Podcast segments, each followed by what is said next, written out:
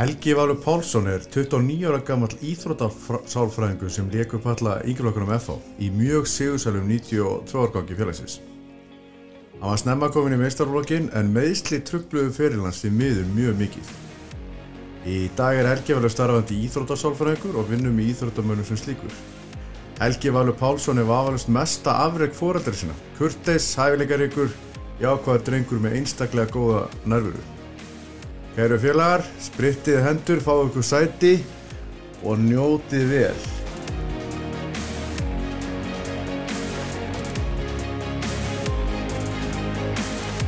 Góðan daginn, eh, góða kvöldið, velkomin á, á Pilsubarinn.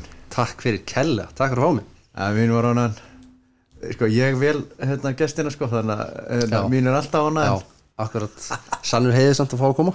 Já, ég, hérna, ég hef svolítið, hafa haft áhuga á að tala við þig, sko, mikið þegar ég verið að þjálfa, Já, út af menturinni.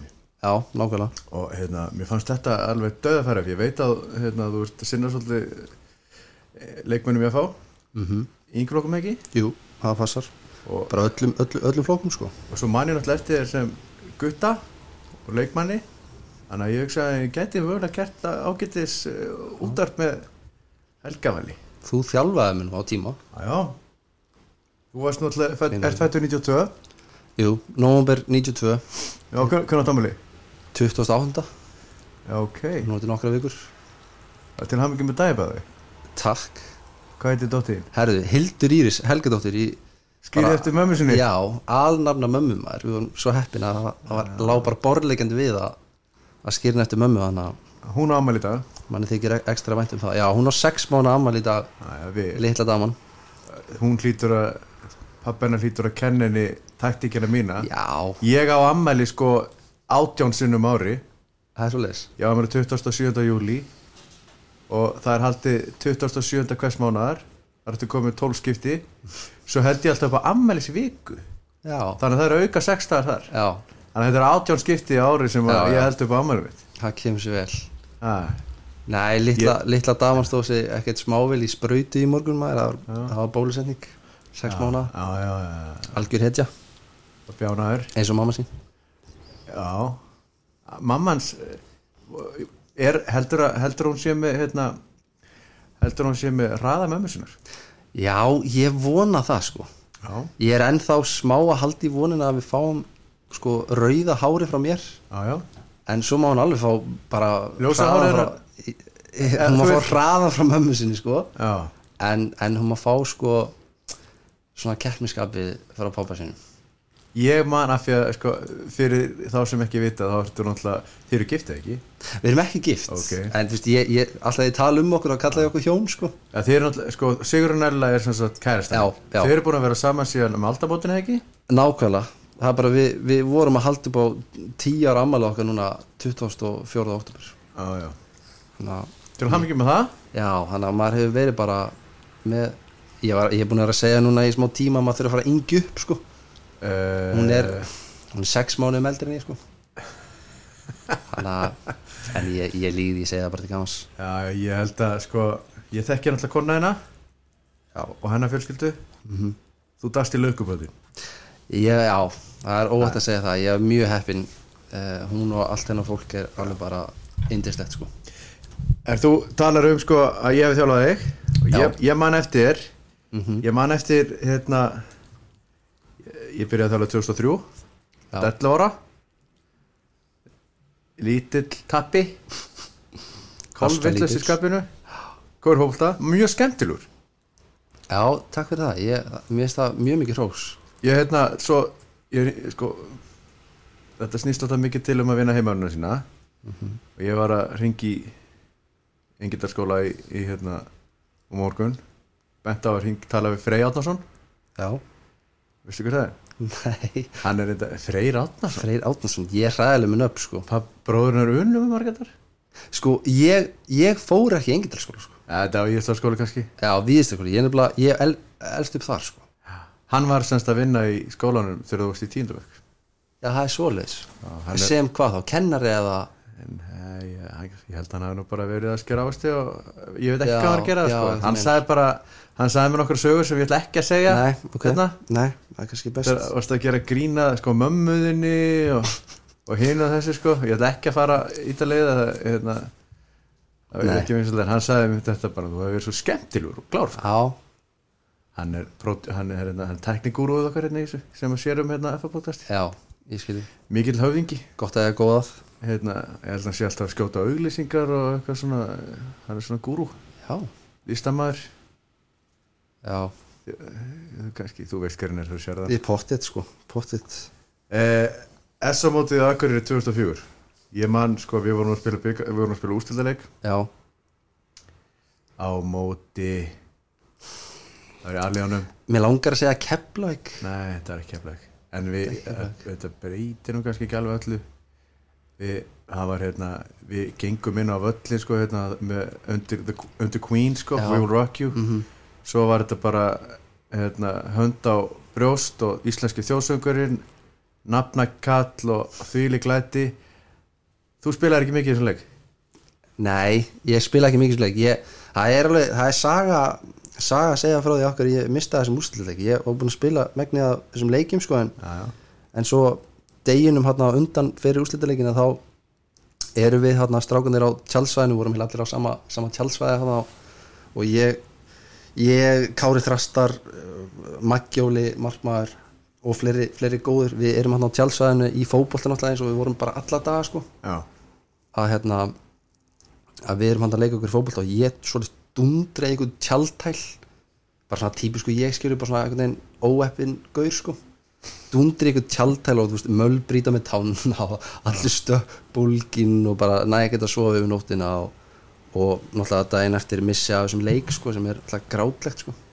Unum hann 1-0 unnum hann 1-0 það Andri- fer, fer það fer, Andri Magnússon setti vinnarinn. Já, Andri Mag alveg leikmaður. Vanur, að spila fyrir aftan hann? Þetta var þvílíkt lið. Þetta var rosalega hlið, þetta var geggjaða tími sko. Þetta var rosalega skemmtileg þau voru rosalega erfir Já, já, við, hérna, af því að það var svo mikið líf í ykkur sko. Já, þið, þið voru það var karakterar. Já, þið, já, já, já, veist, skemmtileg. Maggi í marki. Já. Við vorum, Kári, var- ég held að Kári ljóti bara að vera svo svolítið MVP leikmaður hérna. Já, hann var Því að hann var bara rosalegur einn í vörn. Já, hann var rosalegur sko, sérstaklega að vorum í sko sjömannaboltan þá var hann, hann var rosalegur. Hann sá svolítið bara um vörnina sko. Eins og, eins og ég held að Gauti hafi talað svolítið vel um hann Kári fær allt sko hann á allt, allt skil það, það hrón sem hann fær. Allt kredit sem. Kári Þrastarsson Já, góðu stráku líka.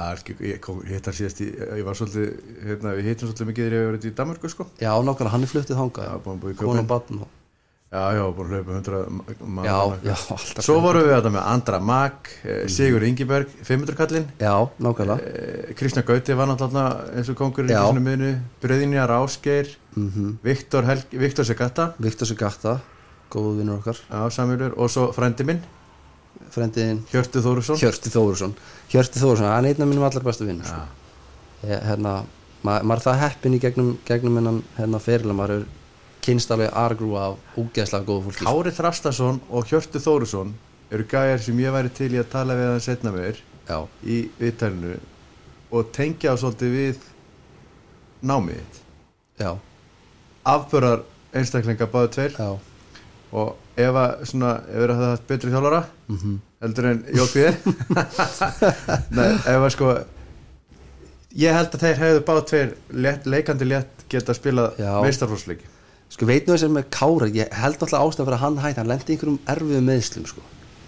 en Hjörtur náttúrulega þar vantar svolítið að hausin sér rétt skrúðaðar á held ég. Já, tökum við fyrir eftir. Sko, en í minningunni á mér þá verður þú ekkert svona líkil maður innan gæsalappa fyrir en að það farið að fyrir nátt bara komin upp í að vera þriðjaflokki eða fyrir annar flokk.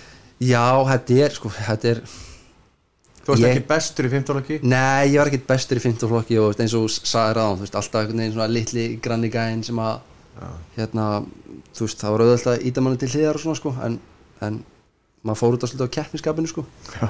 en ég held, já, ég held að hafa verið svona kannski setna árin í þriðja og kannski eh, svona á fyrsta árin í öðrum, ekki uppaði fyrsta en ekki, ekki upphæðu tímubils en svona þegar leiða svo tímubilið í öð, fyrsta árun í öðrum Já. að þá byrjaði maður að koma sterkur þá held ég að gerist það sko að hérna Brynjar Ásgeir hérna, að því að hann var að vilja spila upp fyrir sig sko. Þegar við vorum í þriða þá var hann að spila með annarflokksstrákunum sko þannig að hann var svolítið búin að stimpla sig inn sko og var að spila hægri bakurinn sem að var svona svolítið uh, mín staða sko þegar við komum Já. upp í svona þriðja annarflokk sko en svo gerist það hann held ég sé að fara með rétt mál á, á fyrsta tímbilin okkar í öðrum að hann handlegsbrotnar eða eitthvað ég held það sé fyrsta árinu og handlegsbrotnar hann og ég fæ einhverja 5-6 leiki hérna í hæri bakgrunn Ingvar Jóns hérna uh, sá mikli mistari að, hérna, að hann gefur mig sensin þess að 5-6 leiki og ég bara einhvern veginn smell bara inn í inn í þetta lið sko og er eiginlega svolítið ekkert aftur snúi eftir það sko. Svo þegar Brynja kemur tilbaka þá er einhvern veginn hon- honum frekar stilt upp í sko miðvörn eða á miðina sko. Mm. af því að ég bara einhvern veginn Þú ert bara nýttið sjensin já, það er hægt að segja það, ég nýtti sensin sko Þetta er svona áhugavert sko, er sko, þannig ekki hægt að kalla mér leitblúmera kannski. En að því að sko við erum sko, ég náttúrulega hef verið svona þjálfa yngjurlokka í raun og veru bara síðan ég var að þjálfa þig alltaf með eða í aðar það er svo algitt að svona strákar eru oft litlir og lettir í 15 flokki og 4 flokki og alveg jafnvel í 3 flokki líka sko. Þannig eru auðvitað miklu talentar sko en veist, svo þegar þið stækka sko þá kemur þetta. Þetta besti leikmæðurinn í 4 flokki er yfirleitt svo sem er búin að taka út kynþröskan já, Manstu hvernig að eiga við Bab Mamma og Fæi? Á fylgisvellinu? ég man, ég man eftir sko einhverjum hana byggarústildaleik eða eitthvað á móti fylki eða undanústildaleik á móti fylki. Já. á, á hérna aðalvöllum í Kapla. Tekur hann pappa mútu fæ bara af 35 metrónu bara sko hérna á kontrin hann kontraði hann bara í samskeitin eða sláin inn eða Já. eitthvað rosaleg skeppna sko Ég man bara þegar þú varst á yngraðari fjórhólki það var, þá voru þið að spila við fylki á, á, á fylgisvellinum og þið, við vorum með svo hvað segir maður það voru fáir á fættur einu og eldri þið þannig að þið þurftu bara svolítið að vera í hérna, á yngraðari í aðliðinu Já, og svona já. allt uppi þeir voru eins og þessi, byrja á 11 manna fótballtæðli pínu litlir Mhm. Kolvitlausir svo mætu við fylki og það er papp mamma út fæði sko. hann, er, hann, hann, hann er kannski þremu kílóum þingir núna heldur hann var það á þessum tíma sko. já alveg af stóru alveg af, að, að, fyrst, er bara, hann er bara eins það var 0-0, við náðum stígi og heldum okkur upp já, við, hérna, það var aðalmáli þetta tímbil þetta var svolítið hvernig mannstu þetta? það er vegna að ég man ótrúlegustu hluti og svo man ég ekki mikilvæg hluti ég er svo gleyminn maður. En sko, þau eru í en þú ert síðan farin að hérna, 2010, þá ertu farin að banka svolítið á dyrnar eða ekki hjá meistarflokki Uh, jú, ég er náttúrulega kannski ógeðslega heppin sko hvað það var þar að ég hafði þjálfara sem höfðu ógeðslega mikla trú á mér. Já, ég fann það ógeðslega sterkt frá bæði yngvari og heimi og Viggo Brím Akkur heldur að það hefur verið? ég veit það ekki sko ég bara, þú veist einmitt, kannski skapið og eða bara svona hress og skemmtilegur og duglegur og þú veist, laðið mig alltaf mjög mikið fram sko Heimir sagði við með þessum tíma sko, þú veist, ef ég myndi beða um að hlaupa þetta á veggin þá myndi hann spretta á hann sko. Já, það er bara 100% sko Það er hérna og já, ég held að það hafi svona haft rosalega mikil áhrif á mig að hvað ég fekk mikla sko trú einhvern veginn frá þjálfanum sko svona þú veist, mann eftir einhverjum samræðum þar sem að var svolítið svona, veist, bara basically sagt að, veist, við höfum ókslega mikla trú á að þeir bara, hérna, halda áfram að gera samt að gera og þú veist, bara þú veist að þá ertu komin inn í, inn í æfinguhópi og meistara. Já, það gerði svo bara, þú veist, hálfari setna það, sko. Já, um, og hérna þannig að já, fekk ógeðslega hérna, mikla trú og, og frá heimi og tröst frá heimi og fæ sér hann að æfa með uh, meistarflóknum allt um, undirbúinnstímbili held ég að 2010 Já, 18 ára 18 ára sko. Ert það vel bara búin að fara fram úr sem strákum sem eru já, gamlega þér, í sko. Nánast. Þeir voru það ekki. Nánast, ég er alltaf að spila smá inn í sko að ég, ég var kannski smá heppin að það, það vantaði svolítið uh, kannski einhvern að, svona, að fara að leysa af Gumma Sæfas í, Já, já. í hérna af því að veist, ég veit að Jón Ragnar var held ég Erlendis á þessum tíma Jón Jónsson. Uh, Brynjar Áskir var einhvern veginn svona svolítið búin að færast sem miðvörður eða miðjumaður eða eitthvað slags þannig að það var svona pláss fyrir bakur nummer tvö Já, í FF sko og, og hérna þannig að ég, ég fæ aðeins með þeim og svo er það bara þannig að maður færi að æfa með betri leikmunum og þá bætum maður sig og, og hva, hvað getuna varðar og líka bara sjálfströst og, og svona andlegu styrkur og þessir, þessir andlegu þættir sko. Maður fyrir að hafa meiri trú á sjálfum sér af því að það er allir í kringum mann að segja að maður sé að standa sig vel og maður er að fá viðkynning út um allt sko um, þannig að og einmitt 2010 að það ár ég líka hérna valinn í fyrsta skipti í, í hérna úlingalandsliði sko eða hérna undir 19 landslið já. eitthvað sem var bara svona eitthvað fjärstæð draumur sko en Já, að við erum að tala um það sko einhverju árið eða tveimur þá kemst ekki liðið í já, verðflokki sko. já, það er, rétt- það er rétt sko Þú ertu bara mættir í landslið Já. og er bara að spila og þú ert um tvö eftir Guma Sævers mm -hmm. Ég veit að þetta breytast sko. Já, þetta gerðist rosalega hratt sko. Og þú veist, kannski einmitt þegar maður fekk svona, veist, meiri trú á sjálfum sér þá svona, þú veist, maður var viljur, viljuri til að, þú veist, fara og leggja á þessu aukaæðingar Já, veist, ég var alltaf rosalega duglur og hlaupið endalust sko, en svona, maður fekk þetta einhvern veginn tröst að þá einhvern veginn að kvikna eitthvað aðeins, aðeins inn í mann og maður fór að leggja meira á sig og, og taka aukaæðingar og fara út að hlaupa og taka, þú veist, ég var einn hérna inn í risa út á velli að veist, sparki einhvern bekk og fá hann tilbaka og góða með hundra fyrirgjafi skilur já. bara þetta stilti bara upp hann að gula kallinum skilur, sem, sem er varnavegurinn skilur og ég ætlaði bara að hitta á hann hundra sinnum annars færi ekki heim en hérna Viktor eh, Smári hefur ekki nefnd að vera inn í teg og klára uh, Jú, jú, ma maður er alltaf líka ógeðslega heppin að, að hérna, hafa geðveika gæi kringu sig sko. Hverju voru í þessu liði? sem láta maður líta, líta vel út það voru það voru góðu, góðu gæðir við vorum alltaf eftir að Magnús Óli hætti í marki og snýr sér hérna alfæriða handbóltan þá vorum við alltaf í smá markmannavissinni. Ég er nú meira samt, ég, ég er að meira að hu- spyrja þig um sko 2010-11 þegar þú ert í F-áliðinu sko, hvaða leikmenn voru að eiga við aðstöðum á með? í öðrum flokknum þá, Í meistaraflokki. í meistarflokki það voru, pff, vá, það er Matti Vil sem að maður þetta Björn Daniel aha, uh, náttúrulega Gummi Sæfas, Freysi Bjarna uh, Tommy Nílsen uh, Hjörtulogi. Já, uh, og hérna náttúrulega Alli Guðna. Um, all, Alli Viða Björnsson. Allir þessi kallar sko, þeir voru þarna svona kallar sem var pínum með stjörnur í augunum sko, þegar maður var í yngri flokkun Já, fyrir þú varst bara búin að vera að horfa á þá í Já, fimm ár lifta titlum. Nákvæmlega sko. Gulli Gull var í markinu. Gulli Gulli var í markinu. Hann elskaði þig Já, Gulli, ég og Gulli náðum alltaf ótrúlega vel saman. Vi, Við bonduðum svolítið hérna, Við bonduðum svolítið að því að hann hérna, var rosalega hrifin á tónlistinni hans pappa. Já, og hérna, út frá því einhvern veginn mynduðu við bara voðalega gott samband náttúrulega, voðalega þægilur gæi sko. já, já hann Eins og margir náttúrulega Eðalmaður. Já, Pappi er náttúrulega Páll Rósengrans fyrir það sem ekki já, þetta já. Pabbi Páll Rósengars stórsöngari Hefur það eitthvað sem lendur mikið í því að, að menn koma á tal við þig og fara að spila um pappaðin? Já, það er rosa mikið sko. sérstaklega ef maður var yngri sko. Já, að hérna ég fann alveg verið svona, grínaðist nokkur sem með það svona, maður að lifa svolítið í skugganum af pappa sko.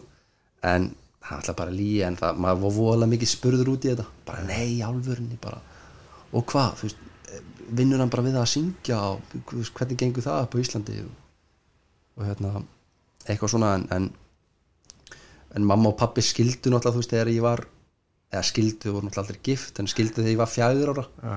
þannig að frá basically þryggja fjár ára aldri þá hef ég verið svo, svo ríkur að eiga tvo Tvo pappa sko. Því. Og mjög heppin með, með stjúpappa sko. Já þannig að þannig að já, það er alltaf pínu mótað mótað mitt líf tónlistin sko. Kanntu að syngja? já, já, ma, ég, ég kann alveg að syngja sko. Ég, ég vola gaman að syngja.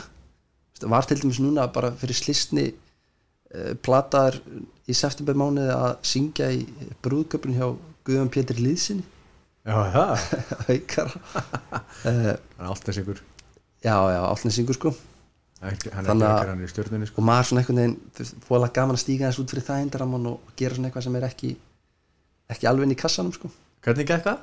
það gekk uh, rosalega vel. Ég, hérna, einn af mínum betri vinnum Úlfar Rapp Pálsson haugari, Já, já, hann spilaði hann á píónu og ég söng og spila á gítar sko. Það gekk alveg furðu vel sko. Hann lék mér reynda grátt sko. Hann, byrjaði lægið áttund neðar sko. Ég veit ekkert hvað það því Nei, það, það, það, ég hljóma ekki alveg eins vel í sögnum sko. En, en ógislega gaman sko.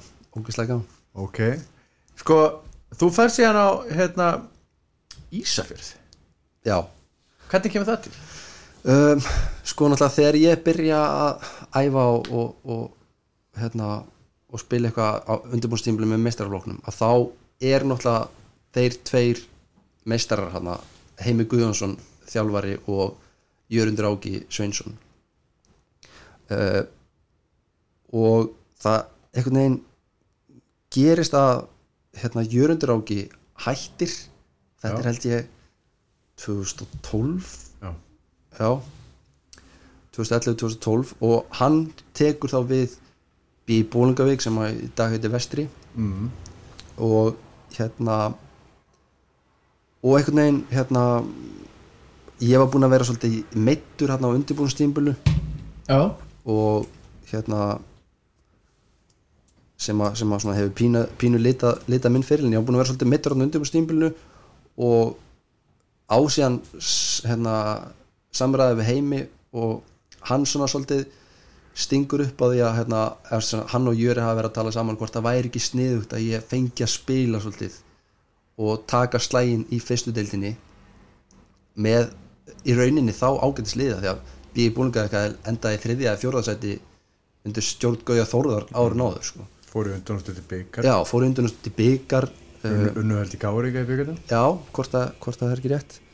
Þannig að ég sá það alveg bara sem fínt tækifæri. Ég þekkti Jör ágætlega og hann þekkti mig uh, mjög vel sem leikmann og, og hérna fóranga til að spila um, þeim vantaði hægri bakurð Já, og bara hérna það var eitthvað svona, það var eitthvað góð ára yfir þessu. Já þú fer bara upp í flugvel ég fer bara beint upp í flugvel, já. Tekur hérna 90 gráðarnar í djúpinu mm Lendir í sjá, Það er rosalegt það er aðflug rosalegt aðflug. Það er ekki fyrir Pálmásson sko. Nei, nei, og, og sko hérna, take-offið, það það er líka Það er rosalegt bara rosalegt sko. Það er, það er bara, Og, maður finnur fyrir því sko. Og svo er þið bara hendi í húsasmiðuna það ekki? Jú, svo ég, hérna, það er inn, inn í sko, inn í samvíknum að ég er að fá einhverja vinnu sko. Já, og hérna og ég sá fyrir mig bara eitthvað, eitthvað þjálfarstarf já, yngri flokkunum bara svona eitthvað með þessu. En ég var settur í húsasmiðina það sem að maður var bara að vinna 8 til þú veist 5 eða bara þá til að vera æfing maður hljópar á æfingu. Já. Þetta var ekkert svona uh, ideal hérna, um, umhverfið aðstæði sko. Þetta var ekki eins og að vinna í knaspinu skóla F á þessum tíma. Nei, ég vann nú í knastmennskólanum minn fyrr Já, ég veit það. Já, það var geðvikt sko. En já, vann í húsmiðinni, fór á æfingu. En svo, það sem ég, ég lítið baka á tíma með BI Geggjaði tími sko. Uh, Og við byggum hann saman Einhverju sex strákar í einhverju ein, sko, þryggja hefða einbilshúsi Já, ok. Og það voru alveg menn sko. Nú? Það var, uh, það var ég, Haukur Ólafs. Já. Haukur Ólafs F-angur Já, Ok. Hann spilaði með mér hann í BI Gekkjaðan á ekki?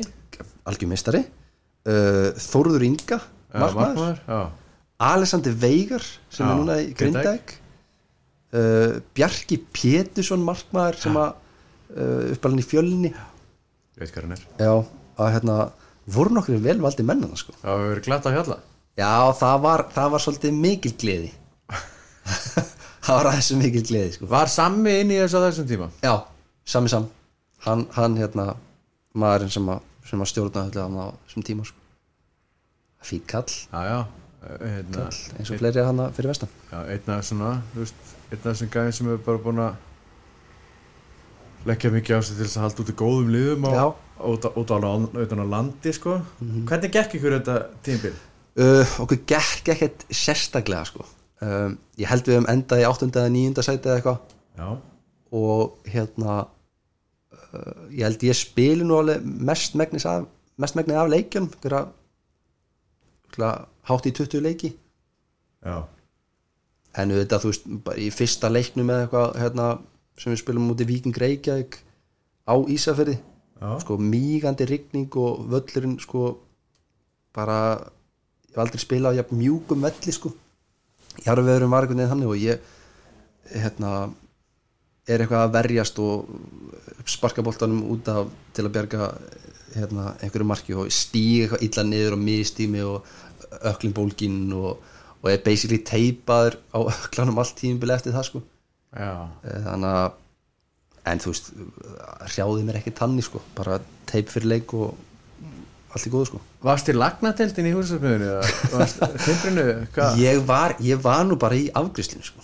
Já, og á kassa það? Já, ló, sko lókallinn hérna, vestfyringun, hann tók mig förðu vel maður var að blanda málingu og, og, og sk- skera likla og, og einmitt finna einhverja hérna, einhver blöndunatæki og, og einhver rör og alls konar lagnir og fleira sko. það var geggar sko. það er gaman í það var reyndar alveg hundlega sko. en það er, er reynsla í reynslu sko. það er reynsla, ég líti á þannig strákarnir voru ofta veist, gera grína mér eitthvað með því að veist, mæti eitthvað í húsismiðun og kaup eitthvað þetta var gaman sko. Já, það hefur verið þannig. Veistu hvað þetta hérna er? þetta er KSI gullmedalja. Frá ég veit það ekki. 2004 Íslandsmyndstara til 2004 í hvað, fjóruflokki, fynda, fymta fyrsta skiptið sem ég var Íslandsmyndstur einhverju. Sælir þú maður. spilaðir í því liði. Það er svo leis Altanesi mestu Maður- tókum Káa á Altanesi 5-2 Káa á allanasi já, við náðum 5-2 þú manst ekki neitt. Ég, ég, það er ekki hægt að spyrja með eitthvað svona. Sem er gamalt herði, þú kemur svo aftur heim en spilar 2013 og 2014 með haugum Já, ég kem hérna það er ga- gaman að segja frá því ég taldi mig í mjög góðu formi Já. þegar ég fór í BI já, og var svona, sá sem hljóp með ég stælti mig svolítið alltaf að því að geta hlaupið mikið. Já, þú veist, var svona, veist, að keppa við hérna, svona, þá sem að þóttu í besta forminu í FH, veist, með mestarflokki að reyna að vera undan þeim, sko. Já, uh, gekk stundum, gekk stundum ekki. En ég fer í BI og bara er í rauninni bara í, í svona kannski besta hlaupaformun að mínum mati sko. Um, og nema síðan þegar tímabilið er búið í BI og ég kem aftur í FA og hérna byrja að efa hérna, með mestarflokknum aftur þar þá áttaði mig á að ég er ekki í neinu form sko. Nú? Bara munurinn á tempóinu já, á æfingum í fyrstildinni og æfingum í pepstildinni þetta er bara þetta er bara svo önnur íþrótt. Ég var bara komið blóðbræði munnin og bara byrjar að hérna, stípna upp og fá krampa og eitthvað sem ég hef bara aldrei gert það sko. þá margum þeim komið svolítið bara niður á levelið í fyrstildinni sko og æfingatempóið þar og svona. Uh, Vantar fer miklu færri leikmennar á æfingum algjörlega. Æli málsins Já. samkvæmt Minni gæði þar sem liða náttúrulega bestilega í Íslandi nákvæmlega maður kom bara í hérna, þú veist, eitthvað alvöru tempó sko. bara stutt spil, tvæ snertingar þú veist, fjórum mútið fjórum eða þrjum mútið þrejum og bara, þú veist, bara tempó sko. Stutt á milli, marka, milli, 40 já. sinni 30 Já, og leipi helgastjórna það var heimur hvort að, laugi var þá komin Já. laugi var þá komin þegar ég kem tilbaka mm. bí og elska lauga sko. Já, já, hann tók maður e- svona einn af mínum uppáhaldstjálfurum í gegnum yngri flokkana sko. Ríkala góðu kall ja, bara topp maður með öllu sko að hérna þannig að já, ég kem tilbaka og æfi með þeim hérna það sem eftir að tímbilin ég held að voru ykkur tvei, þrý leikir eftir hjá þeim eða eitthvað og svo hérna uh, hvort ég síðan meiðist, veist, ég var basically þarna á þessum tíma svolítið búin að vera að pína mig í gegnum uh, þessi nára meðsli hérna með BI og í rauninni bara frá því ég var á miðárun í öðrum. Já, má vel að segja það þá sko að þá var þessi nára meðsli byrjaði að gera vart við sig sem að það var bara litað ekki bara feril menn heldur bara lífið mitt. Já Það ekki ennþá ég er ennþá, ennþá bara handónitur sko. Og Hvernig lýsir það sér að þú sett handónitur í dag? Bara þú veist, ég get nánast eina sem ég get gert bara nánast í dag er að, er að synda sko. Já, ég get ekki skokkað eða, eða hérna ég rauninni gert neitt, lifta einhverju viti eða þú veist, spila, ég get ekki fara í bumbubólta eða neitt sko. Þetta er það slæm það er alltaf það slæmi sko. ég er búin að fara núna í einhverja tvær aðgerir og, og, og ég veit ekki hvað marga sprautur og hvað langa endurhæfingu og það er bara ekki það verðist ekki vera hægt að gera sko. Og hvað gera mann þá? Jú, þeir fara í hauka já, menn fari, ég, menn fari hauka já, það það, var nú, það var nú sko, fyrir hlustendur grín, það er nefnilega þannig helgi að, að hérna, í dag ólíkt því sem áður var þá skilur fólk ekki alltaf hverja fólk er að grínast sko. nei, já, ég veit maður þarf að taka það fram og hérna, bara, þannig að fólk verður bara reitt sko, ef að maður gerir eitthvað að grína einhverju sem er ekki þau halda maður sé að segja eitthvað alvarlegt sko, þegar maður er að grína sko. Þú fórst alltaf í geggjað haukalið bæði við ég fór í geggja haugalegu og aðeins kannski til að klára þú veist, ástæðan fyrir að ég fór að tala um meðslin er að þarna þegar ég kem tilbaka þá er svona nára meðslin aðeins byrja að ágerast og svona. En þau, fyrir ekki, þau byrja að ágerast aðeins eiginlega þegar ég skrif undir haugun mm. ég hérna uh, átti einhverja samræðar við heimi. Ég, ég átti eiginlega enga svona, svona framtíðar samræðar við lauga sem ég sela svolítið eftir. Mm. því að ég frétti svo eiginlega setna eiginlega bara þegar ég var nýbúin að skrifa undir að hann vil all, alls ekki missa mig sko. Uh, en hérna fer yfir til hérna haugana uh, eftir að hafa átt mjög góðar samræða við, við Óla Jó. Það var alltaf mjög stór ástæða fyrir ég fór, hann þekkti alltaf mjög vel timminn sko. Og, og hérna og, og Heimir var, var eiginlega sammála þeirri ákvörðin sko að fara, fara til hans. En, en ég þá fer ég ekkert á neitt lán. Ég bara skrif undir tveggjára samning við þá. Já. og hérna við Óla og með Óla og Bjössa Hreyðas Já, ég kynntist honum vel í sumar. Bjössa, hann var að þjóla grindingingana algjör meistari. Og við vorum svolítið miklu sambandi já, kallaðum alltaf Jón. Jón, Jón, Jón. Já.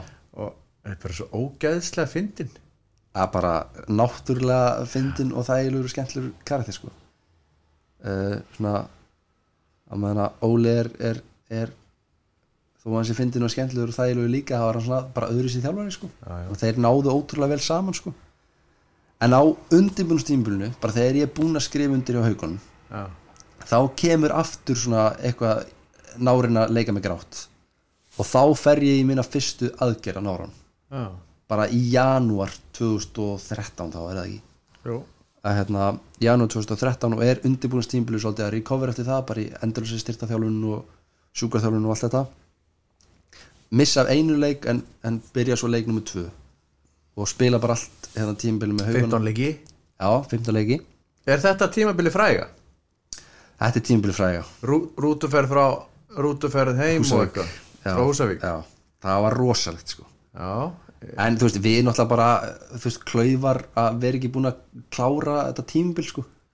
Lend, þú var eiginlega útskýrað fyrir fólki hvað hva, hvað gerðist sko og þú veist að betur en ég líka. Já, það er, það er semst þannig að veist, við erum komaðn inn í síðasta leikin Já, sem er á Húsavík og við erum svona þrjú lið sem erum held ég alveg örgulega þrjú lið sem erum í sjens á að fara upp. Við, Víkingur Reykjavík og e, Fjölnir held ég. Og hérna og hvort að munaði stíi eða, eða stíi eða tveim á, á þessum þrem liðum sko. Og við í rauninni farandi inn í hérna síðasta leik hefðum þurft að vinna leikin þú veist, 15-0 eða eitthvað. Eða allavega með 15 marka mun af því að ég held að Víkingur Reykjavík frekar heldur en fjölnir hafi spilað við Völsung og unnið hann þú veist, 16-1 eða eitthvað.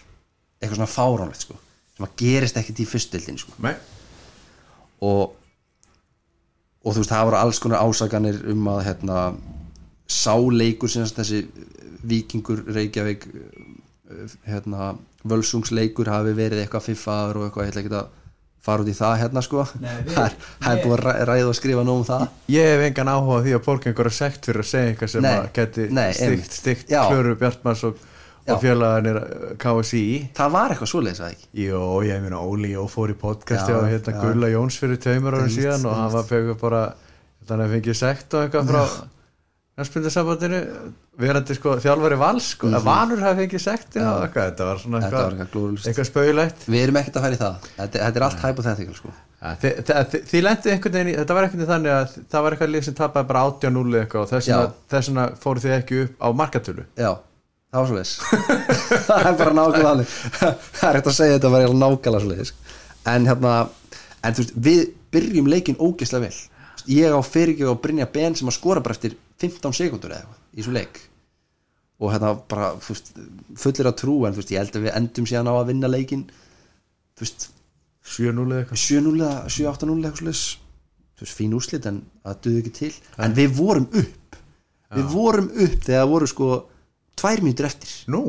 af því að fjölnir var að þú veist, einmitt gera jafnteflið að tapa eitthvað Ah. þannig að menn voru á bekknum orðin svolítið spenntir sko, en svo hérna, skoraði fjölnir eða, eða vikingur í manni gæla nákvæmlega hvernig það var á síðustu mínutinu og, og við ekki upp sko. Í þriðarsætti Og þurftu að kæra heim frá Húsavík þurftum að keira heim frá Húsavík Með þetta sko marki uppátt á tíma gegn sér Já. Og þú veist eitthvað 18-0 sigur í ykkur leik sem hefði aldrei átt að fara veist, meira en 5-0 Já. er best að allir eitthvað og þá verður því náttúrulega alveg 100% öruglega Mhm. uppi sko en við vorum með, með hörku lið hana Já, já. 2013 mm. rosalega, Gummi Sævars hann, var komin í, hann komur í hauga aldrei tímbil undan.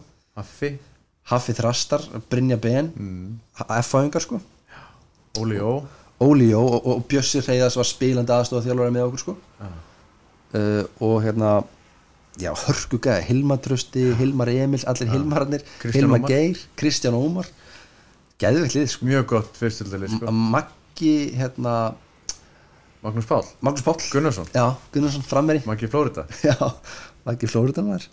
Þetta var uh, ógislega skemmtilegt tímbil Já, þetta hefur verið hriglega gaman. Já, Ekki verið vandamál fyrir sko, Óli Jó hefur alltaf verið sérstaklega færi því að byggja gott lið. Já, og eh, svo er hann náttúrulega einstaklega skemmtilegu náungi. Já. Eh, og, og Bjössi Reyðars sko hérna, rúsinin pilsendur. Þetta hefur bæði verið gott lið gaman á æfingum hérna, sko ekki kærulaust heldur sko, menn hafa vita hvernig átt að gera hlutina Já. almennilega og hvernig það mátt fá sér kannski einn teki eh, svona listpartí já, eh, og svo náttúrulega bara ríkilega gaman ekki já, þetta var þetta er, þetta er, hérna, þetta tímbil er mjög svona minnistætt þó að það hef ekki endað vel Nei. en hérna bara geggjaða minningar og maður kynist alveg endalust af algjörum fagmennum sko. Þetta, þessi, þessi tími það er afleðingar að þykja að þú ert orðin tónlistamælumur já, það er ég má eiginlega segja sko í, í bílferðinni á leiðinni heim í rútuferðinni á leiðinni heim frá Völsungi. Já, þá hérna á Húsavík? Frá, frá Húsavík segi að hérna þá er einhver með gítar með. Já, og þá svona hérna það má eiginlega segja að þá svona hafi ég að einhver viti að byrja að læra á gítar. Þá svona verið að kenna með einhver grip og eitthvað svona og, og hérna þá kviknaði áhugin af því. Og svo eiginlega bara núna setna mér þá hérna uh, plötuðu Kristján Ómar Björnsson mig og, og Hilmar Emils. Já, Kristján Ómar á, á, á gítar og, og Hilmar Emils á, á bassa í einhverja hérna einhverja svona hljómsveit en að gæsalapa sko sem gefur ekkert út sko bara svona eitthvað að leika sér eru þið að spila frumsamið eða Já, við erum að, við erum að hérna, þú ert að semja? það er eitthvað draumur að, að hlaða í einhverja plötu. Getið ekki fengið gestasöngara? gestasöngara, það vantar alltaf bakrættis Palli Rós? Já, já, Palli Rós. Hann myndir náttúrulega bara taka yfir sko. Nei, nei. Pappi, pappi er sjálfur að vinna í einhverju nýja efni sko. Já, ég ætla ekki að vera að trubla hann sko.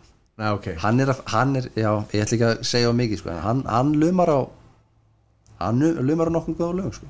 Ég reiknaði með því að fá senda hann í posti bóðsmið á fyrst tónleikana. Já, já, ég, það bara það er samþýtt hér með. Þú mátt bera þessum mönnum góða kveður já, Annar er, er nú fáminn skólastjórnandi ekki? Annar er skólastund og það er einmitt við, við hérna, Kristján Ómar það er notum aðeins, notum aðeins það húsnaði undir, undir tónlistina. það er svona, hérna nú íþróttaskólinn hann, þeir leggja voðalega mikið upp tónlist og tjáningu og Já, Við viljum komast við, við fangar viljum kannski svona komast, þetta er svona nála skapleika gænu sko. Já, þetta er, er vil fólk sem þeir að gera. persónlega vill ég helst fá ég vil fá sem sagt eh, skóla inn á Kaplakryggsvæði já, ég vil byggja hérna, skóla fyrir aftan markið fjær Reykjanesbrytni já, þú, þú sagði það á hann ég held að vera að grínast það fyrir, er, fyrir 8. 9. og 10. bekk. Já, það sem verður kent eh, íslenska starffræði og enska. Svo fáið krakkandi bara massa val. Við myndum þá nota yðinskólan fyrir þá sem vildi verið í þannig vali.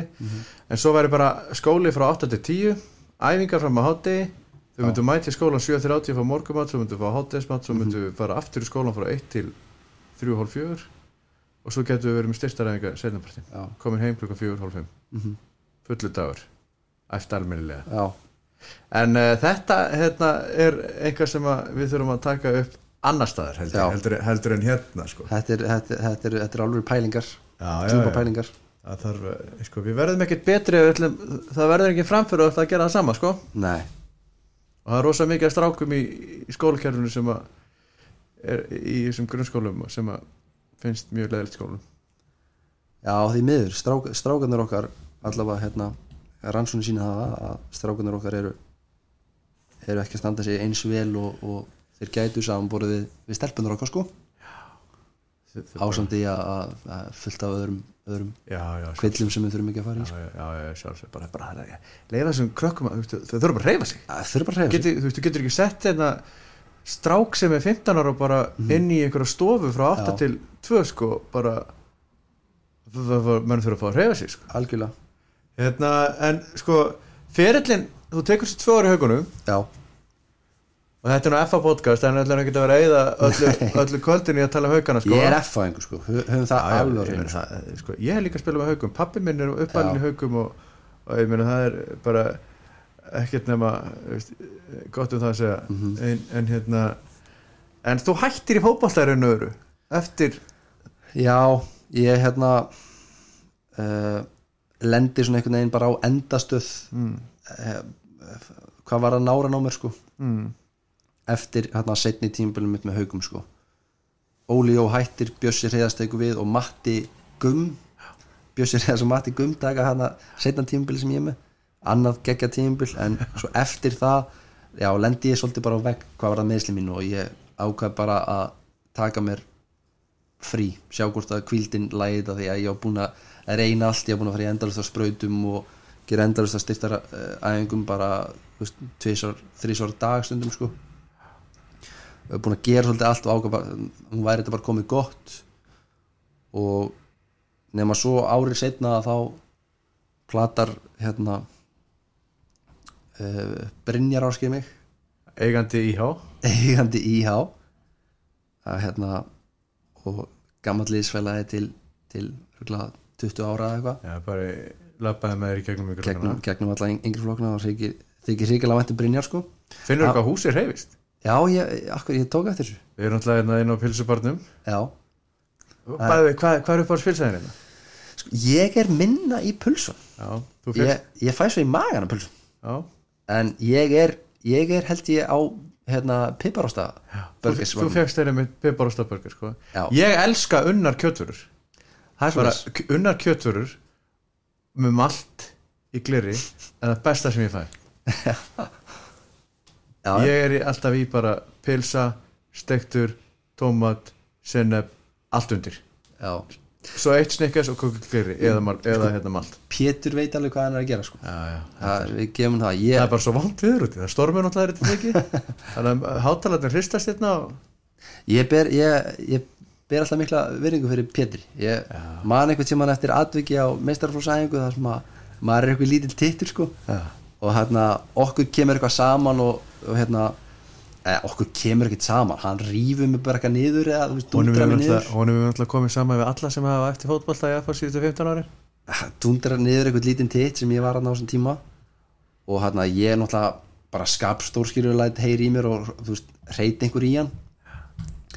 Og hann náttúrulega reyti bara einhver í mig tilbaka en svo strax eftir æfingu þá erum við bara að labba maður að hann og byrst fyrirgefninga skilur en, en það, það er svona, þetta skap sko, maður tengi voðalega mikið við það.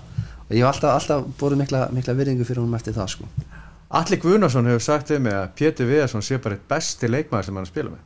Það er auðvitað- er alltaf Pétur náttúrulega unnið ótrúlega mikið af titlum og spila ótrúlega mikið leikjum en hann, er- ekki innan gæðslega besti fótballtamær í heimi. En, en það sem allir hefur talað um sko er bara þú veist að, að lenda mótónum í liði á æfingu er hörmung. Já, að lenda með honum í liði á æfingu og ert ekki á tánum er hörmung. Þú veist, það er svona gæi sem að non-nonsense gæi gerðu þetta almennlega eða drullaðir heim. Alvöru keppniskap sko, og líka setur góð viðmið fyrir aðra sko, varandi það hvernig á að æfa. Já, akkurat þetta er bara by já, nákvæmlega, þú veist bara að hérna, uh, þú setur ákveðið viðmið og ef þú ætlar að vera þessi F-fáingur skilur þessi F-fá-leikmaður skilur þessi ef við búum til þess hennar stereotypiska F-fáing Aha. að þú veist, þá æfum við svona. Já, almennilega. Já, og þú veist, kannski, kannski umfram Pétur Viðast þá fannst mér eiginlega helst sko Matti Villa stuðla að þessu sko. hvernig hann æfði, maður horfði bara bara herri ég ætla að vera svona. Já, veist, við erum alltaf að fá hann heim núna. Já, herri ég sá það, það er rosa hann er alltaf bara komin í að fá já, svo virðist Eggert Gunnþór sko ég hef verið svolítið þarna í kringum með fæðingana mm Mhm. þannig ég hef verið að fylgjast með þeim að æfa og svona. Eftir hverja einstæðingu Eggert Gunnþór Hörður Ingi Gunnarsson og kannski tveir, þrýr viðbót æfa auka, hlaupa auka þannig að maður, maður er svona vonast þess að Eggert og Matti gera það verkum að að bara, þú veist, að við séum að hækka standardin algjörlega. Þa, það, það, það gerist nákvæmlega með svona karakterum sko. Já, við erum nefnilega með sko annan flokk til dæmis líka FA núna sem eru bæði Íslandsmeistar og, og svona Mhm. efnilegir strákar sko. Og voru komnir í byggar og slilt já, já, en, hérna, en að, þegar þeir og svo er, þú veist, þeir eru að fá að þegar aðeins á einhvern nú sko, að þeir sjá að þetta er það sem við viljum sko. Mhm. já, nákvæmlega. Að við, við þurfum náttúrulega að skapa leikmenn og halda áfram að vera góðir. Mhm. því að þeir eru búin að prófa að vinna átta Íslandsmeistra titla á 15 árum. Þá sættur ekki að neitt annað þetta er að vinna bara sigur hefðin. Það kemur með svona gæðum eins og Pétri, Matta Villa Mhm. Eggerti sem að, sem að hérna, þek- þekkja hvernig að gera hlutina Tommy Nilsen líka vinnuframlæði hans var náttúrulega bara á einhverju öðru leveli sko. það var rosalega sko. kendi mann alveg endalist mikið um hvernig maður á að verjast sko. Þannig að maður, sko, og svolítið það sem ég tek svona á því að við erum búin að fara yfir ferilin já, það sem að þú veist, við höfum vunni endalist af Íslandsmeistartitlum þú veist, eiginlega bara 54, 3, annar bara öll þessi ár, unnum við alltaf við unnum allt. Unni alltaf. Þeir eru raun og verið sigursælasti yngjaflokkur yngjaflokkur bara sem að Já. er tilvægna sem þau eru sko þau eru sko Íslandsmeistari 5. 4. 3. öðrum þrísar röð ekki já, jú, uh, byggameistarar eini titlin sem að þið ekki unni var sjálfmóti í Vestmanni. Já. Sætla minninga. Töpuðu fyrir, ég get ekki sætt þetta sko. Þið töpuðu 3-1 fyrir Njarðvík. Þetta er Njarvík Kristján Gauti skoraði Geð, já, geggjaða minningu af hérna, sjálfmótinu með Kristjánu Gauta. Nú, við hérna uh, og ein bara einhver, kannski ein besta minning sem ég á bara úr fótboltanum sko. Að hérna, við eittum eiginlega bara öllum sumrum ég og Gauti að hérna, skalla á milli. Já. Og hérna vorum þrjóskar en allt sko bara veist, með sólin í augunum eitthvað að skalla upp á hérna, gerfigræsun í kaplakrika eitthvað að æfa okkur sko. Og vorum, kom, áttum bara eitthvað rosalega met bara, veist, ég get ekki sagt tölu sína, það var alveg, örgulega 200 og eitthvað sko. Uh, eða meira, en allavega við skráum okkur í einhverja skallakeppni á sjálfmótinu sko. en stöndum okkur alveg ræðilega sko. Nú? Já, ég held við höfum bara náð bara eitthvað 15 eða eitthvað sko. Ok, Kristján hefur verið brjálaður. Hann var brjála, ég vil meina að hann hafi klúðra sko, við fengum ekki annan sens það var eitthvað, það voru allir að skalla einhvern veginn á sama tíma sko. Kristján myndi aldrei viðkjanna það, þetta hefur honum að Nei, hann myndi myndi viðurkenna. alltaf benda á mótstjórnina. Og pappans myndi taka undir með það já, það er rétt. En geggjum minn, og það, það sem ég var svolítið að fara að segja var sko, veist, allir sér titlar og allt þetta veist, sem maður kannski á í gegnum yngjörflokkana já, uh, veist, það sem að það sem, eh, sko svona, ég ásvöldið að frá þessum tíma er meira bara fólkið. Skilur bara, mann þykir svo vænt um svona núna eftir, þegar maður er hættur í boltanum og allt þetta, mann þykir bara svo vænt um bara fólki sem maður er búin að kynnast og bara minningarna með strákunum meira heldur en einhverju titlar sko. já, þú veist, bara svona, veist, mann þykir bara vænt um þess að stráka en það í dag þó maður sé ekki endilega að tala við alla þeirra Já, já. á hverjum einsta deg maður er alltaf að fylgjast með sko. Já, bara eina kall stjarnan Ná- var bara ok, cool, getur virkað vel fyrir hann. Anskotinu hefði viljað fara í FH en so be it sko þú veist, þegar Kristján Gauti byrjaði aftur og var maður bara, yes, hörru Að klá, ná, nákvæmlega tilfinningin sem ég er að tala um. nú, nú er minn maður Já. þetta, sko, nú, hérna, svona, maður finnst bara svona eins og maður eigi eitthvað hlut í þeim sko. og það, það, mér þykir svo ógislega vænt um það sko. já, já, þessin er náttúrulega þetta er eina ástæðan fyrir því að maður vil alltaf sjá þú veist, við, fólk, maður- veist, þetta er ekki rassisti, við viljum sjá FH enga spila fyrir FH klálega, hérna, klálega. Viljum, viljum þegar sonur hennar mæju eða byttu eða eitthvað er að spila, þá er maður bara, byttu Mhm. ég, ég þekki mömmu hans eða ég þjálfaði þennan eða, þú veist, whatever. En við vorum í, við vorum í íhá. Við vorum í íhá. Við fórum hann Já. húsi byrja að hristast Já. og mér sveltist á pilsinni og já, Pamela fór að byrja hérna, að vaknaði og, en, Mhm. hérna, en við vorum í íhá. Við vorum í íhá. Trók hérna eitt tímbil með íhá. Var platari það að var veist, það, tímbil fyrir mér er svolítið litað af bara nára meðslam þú veist, ég vittlus eftir á þú veist, að vera að pína mig gegnum einhver einhver meðsli og einhverja verki þú veist, til að spila í fjóruðdeldinni sko.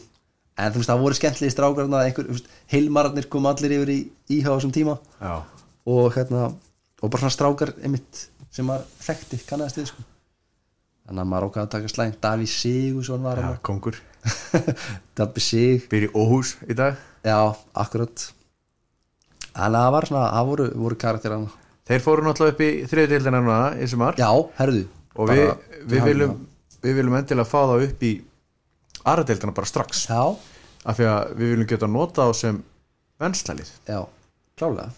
Það verður geðveitt sko. Það er bara geggja fyrir unga leikmanna af því að bara, til dæmis að það er varnamaður sem sem svo því þú varst nú varnamaður í annari teilt í síðastu sumar að spila með, ef það eru gæðar eins og Rókan Tókits Albert Brynjar Ingarsson bara þetta er alvöru sendera sko þú veist, það er bara það er komið svo mikið af fótbollamönnum það er svo mikið af fólki af strákum og stelpum af fótbolla að þú veist, þriðja eftir deild á Íslandi er bara orðin alveg þokkaleg deild sko. Já, þetta er ekkit eitthvað sem þú gerir með þú getur ekkit spilað þarna þessu heldur en að vera í standi sko.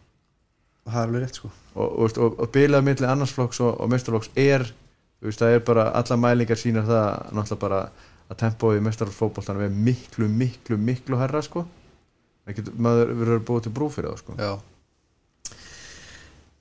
þá er eiginlega komið að því að ræða það hvernig dattir í huga að fara í íþróttasálfræði. Íþróttasálfræðina? Hvernig verður maður íþróttasálfræði ykkur? sko það reyndar maður maður þarf eiginlega að taka það fram sko að hérna, það er eitthvað hérna, íþróttasálfræðin er ekki ennþá orðin alveg svona viðukend starfstjætt hjá ríkinu. Tæknilega sé mætti maður ekki kalla sig íþróttasálfræðing en þú veist gæði með nákvæmlega sömu mentun og, og, og reynslu út í Breitlandi eða Bandaríkjunum með bara fullblón íþróttasálfræðingu sko. Eh, þannig að við erum ennþá við erum komið svolítið stutt hérna heima hvað var íþróttasálfræðin þú nefnt til dæmis ekki kend á meistarast í hérna heima.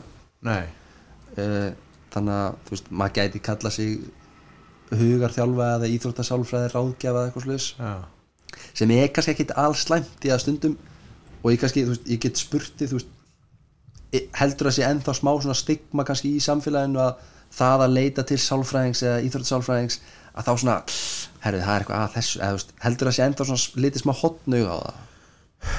Uh, ég er svo rosalega hérna, opin í alla enda með allt sko. Að hérna, svo lengi sem er ekki eitthvað humbúk sko. Já, hérna, nei, já, öruglega en hérna, en alltaf engin ástæð fyrir því? Nei. en, hérna, en, en, en ég held svona almennt veist, ef, ef, ef einhver segir já, veist, við erum hérna, eitthvað að vinna með svona, þá held ég að ég, ég er ekki meira bara, já, það, það, ég, ég, ég, ég, held að þetta sé smá breytast sko. það er það er orðin meiri áhuga á þessu og fólk er, fólk er farið að hérna, sjá fullt af tækifærum í þessu. Skiptir engum máli hvað ég hef þjálfað sko, ég var alltaf nefnt þetta við stjórnamenn sko. Á, og það ástæðan var bara einu stað sem að menn vildi borga fyrir það sko. Það eru bara, nei, nei, nei, nei, þetta, þetta mm -hmm. Svo er það, sko. þjálfaði kannaliði fylki sko, var, þá kom, var hafrúnaðis með okkur. Já, nákvæmlega. En ástæðan kannski fyrir að ég fór í þetta já, af því að þú spurði mig að því sko já, já, að hérna ég byrjaði sérst að læra hérna sálfræði bara upp í Háskóla Íslands. Já, á meðan ég hérna eiginlega bara eftir ég kem heim frá B.I. Bólingavík þá skráðum í, í háskólanum og hérna byrja í sálfræðinni og svona sumir áfangar skemmtilegir en aðrir sko, bara svona voðalega almennt allt fyrst og svo þrengist þetta á svona. En á setna árinu mínu, árið tvö af, af þrem árum, þryggjára námi að þá skráiði mig í íþróttsálfræði áfanga, bara svona fimminninga áfanga í Háskóla Íslands og þá eru tveir höfðingjar að kenna það. Haukur Ingi. Haukur Ingi Guðnason og Hallur Hallsson já, íþróttsálfræðingur sem hefur verið í rauninu svona og var leiðbyrnandi minn og hefur verið svona mentor. Já, ákveðin mentor fyrir mig sko og svona, veist, ég, ég sá bara þú veist, ég var aldrei einhver gæði sem að fekk, þú veist, 9-10 á prófið, þú veist, í, í neinu sko, ég var alltaf svona í kringum 7-7-5 sko en svo hitti maður hann á okkar sem maður hafði áhuga á Já. og þá bara, þú veist, það hafði maður aldrei fengið jafn háa rengunni sko. og bara mætti hvern einasta tíma og bara opinu augun allan tíman og bara búin að lesa kaplan fyrir hérna næsta tíma eitthvað sem maður gerði aldrei sko. innri áhugakvöld innri áhugakvöld, sjálfsbrottin innri áhugakvöld sko. og hérna og hérna vel síðan að skrifa lokaritgerinu mína í, fyrir BS í sjálfræði með Halli því að hann var að gera ógeðslega áhugaverða rannsóknir á markmönnum í knaspinu já, uh, og notaði hérna svona vítaspinnur hérna, hann var búinn að taka upp hann var að þjálfa þriðaflokk fjölnis á þessum tíma Hallur og hérna var búinn að láta strákan að taka einhverjar þrjú, fjörundur vítaspinnur og var búinn að segja maður þetta skjóta hérna upp í vinstra hótnu síðan upp í hæra hótnu þannig að það var kannski með hundra spinnur í hvert hótt sko. Og hann tók vídjóð upp frá sjónarhóttni markmannsins. Já, bara stilt upp þrýfót í miði markið.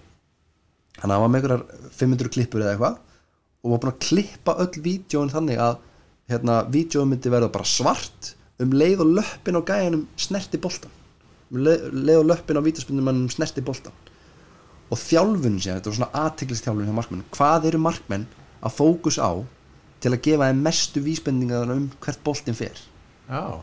Þú veist, er það hvert hann horfir? Er það hvert, hvernig hann snýr aukslunum eða mjöðmónum eða er það stóðfóturinn eða hvað er það Þannig að hann hefur bara verið að horfa okkur fleiri þúsund vítaspinnur já.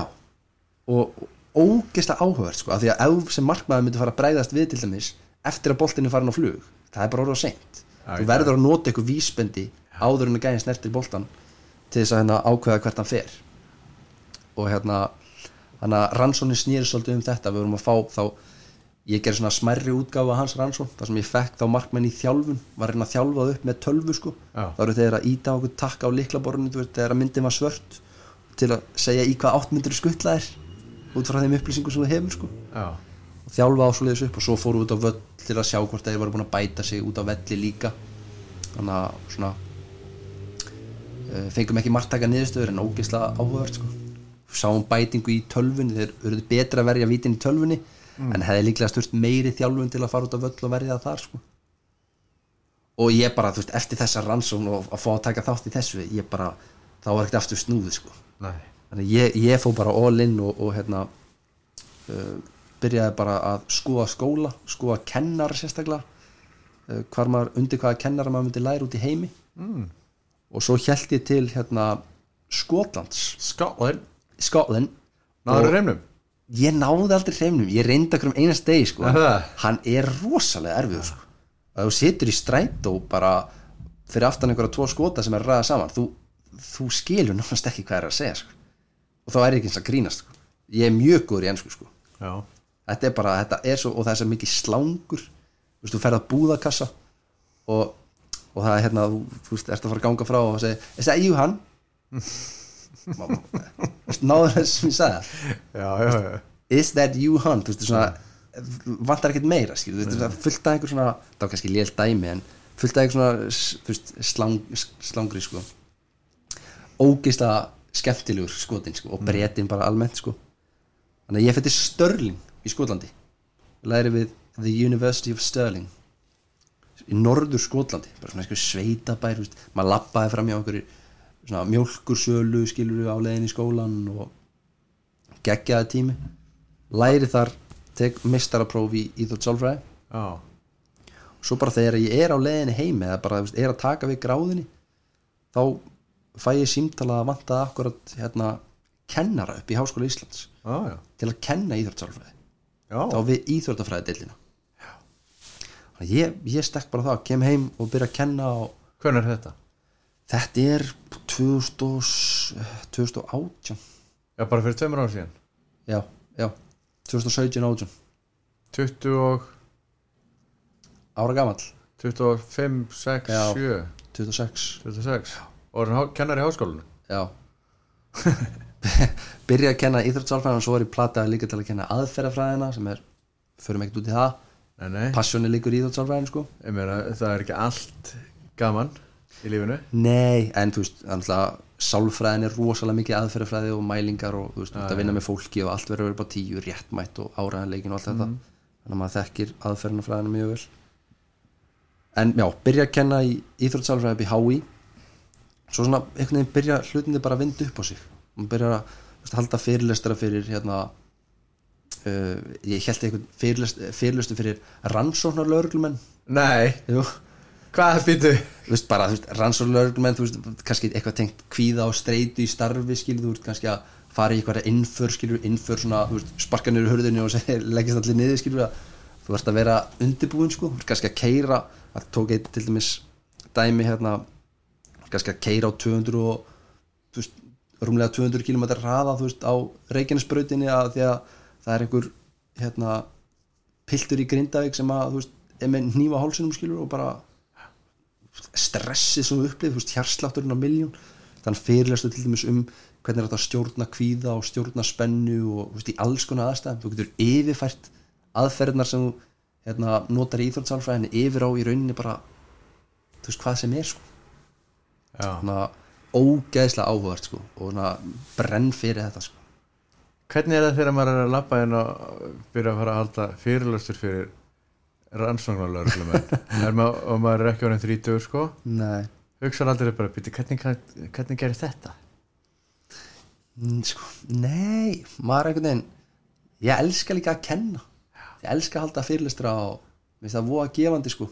Já, og þú veist, sérstaklega ef maður er að kynna eitthvað sem maður hefur ógæslega mikið áhuga á þetta er ekki bara einhver einn af þessum 50 fyrirlisturum sem maður heldur í skólastofunni í grunnskóla skilur og vera mikið í sig að stressi af því að maður skilur eða ekkert hvað maður er að fjalla um sko þetta er svona aðeins öðru af því að maður er þú veist, maður skilur þetta og maður veist, er að reyna að fá fólk til þess að skilja þetta með sér og kaupa þetta og, og hafa trú á þessu. En ég er að kæra Reykjanesbrytuna 220 km hraði. Hérna, og það er maður með byssu einhverstaðar í blá lóni. Já, og, og ég er að hugsa bara shit, hvað, hvað, nú veist ég bara, veist, bara mm, veist, eitt nú bara, það er nú bara eitt að kæra bílinn sko. Annað að hugsa bara hvað, hvað, í hvaða situasjón er ég að fara mhm. og, og þú veist að þú sér, þú meina púlsina er líklega komin er 160-70 bara vöða spenna og bara Já. stífnar upp og hvað hva, hva, sagður við þessi gæja? Sko- anda inn, anda út inn, andinn og tala út. þrem og and út um, sko það eru þetta þú veist það er fullt, fullt af aðferðum sko þú veist kvíðaslaukunar aðferðum og spennustjórnunar aðferðum sko veist flestir þegar við hugsum sko spennustjórnun og stjórn og kvíð og streitu og svona þá hugsum við þá hugsum við hérna öndunaræðingar slökunaræðingar anda inn og anda út í einhverja x marga sekundur eitthvað svona. Já, en þú veist það er meira bak við spennustjórnun heldur en bara það að slaka á. Það er líka veist sjálfstal veist hvernig þú tala við sjálfum að því hausnum á þér. Uh, og, og sjálfstrust um leið og nær að byggja upp sjálfstrust þá nærðu það mjög stórum hluta að draga úr streitu og kvíða og kannski ótta þú veist, er ég nógu góður? Eða, eða er ég að fara að leysa þessar krefendi aðstæðar sem ég er að fara í? Ef ég hef meiri trú á mér þá var samanskapi minkaru trúna að þú getur ekki gert eitthvað. Það sést ekki nógu engin, er engin íþróttamæður sem er ekki lent í því að hugsa með sér ég er ekki nokkur nei, nákvæmlega. Á einhverju tímapunkti sko. Bara, oh, þetta er ekki minn dagur. Ég er að keppa mótið þessum eða ég er að keppa mótið þessu liði eða þetta er bókilið við erum búin að tapa þrejumleiki með röð vindurinn er frá hægri til vinstri. Mhm. klálega það, og þú ert að tala um að vinna með þessu liti já, ok. En þú ert að vinna með í- íþróttafólki líka já ég er að, ég er að vinna segja, þetta hefur svona svolítið undið upp á sig sko. byrjaði bara í rauninni sem kennsla og svo, þú veist, einmitt fyrirlestrar og náttúrulega ekkert bara hjá okkur rannsónulögruminnum og einhverju tveir, tveir fyrirlestrar eitthvað en, en, en svo fyrirlestrar hjá þú veist, íþróttaliðum, íþróttasamböndum. Já, uh, var núna nýlega til dæmis með fyrirlustur hjá hérna uh, bóðfim í sambandinu. Já, mjög svona áhugavert sko. Svona íþrótt sem að hérna er frekar ný til dæmis hérna heima. Einn besti vinnum minn er er einn af bestu bókfimimönum bókfimimönum Íslands. Já, hver er það? Gummi Gunn, já, gummi maður þekkir hann? Já, heldur betur. Heldur betur maður algjör höfðingi sko. Já, kongur. Já, og hérna jút og eitthvað svona fyrirlestar út um allt og sem svona síðan byrjar kannski sem svona, veist, hóp fyrirlestarar, veist, með liðum eða samböndum, sko. Já. og svo færi það sig yfir í kannski svona einstaklingsbundna ráðgjöf, veist, einn og einn. Já, eða maður er að vinna kannski með einhverju íþróttarliði í lengri tíma, sko. Hefur gert það? Ég hef ekki gert það ennþá.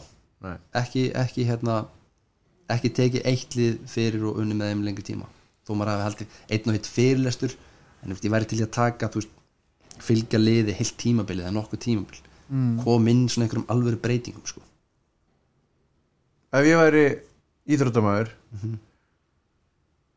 hvenar og af hverju ætti ég að ringi Helgavall geggjur spurning sko lang flestir líta mitt á þessa veist, og íþróttasálfræðina alveg eins sem að í rauninni bara eitthvað sem þú leita til þegar það er eitthvað að.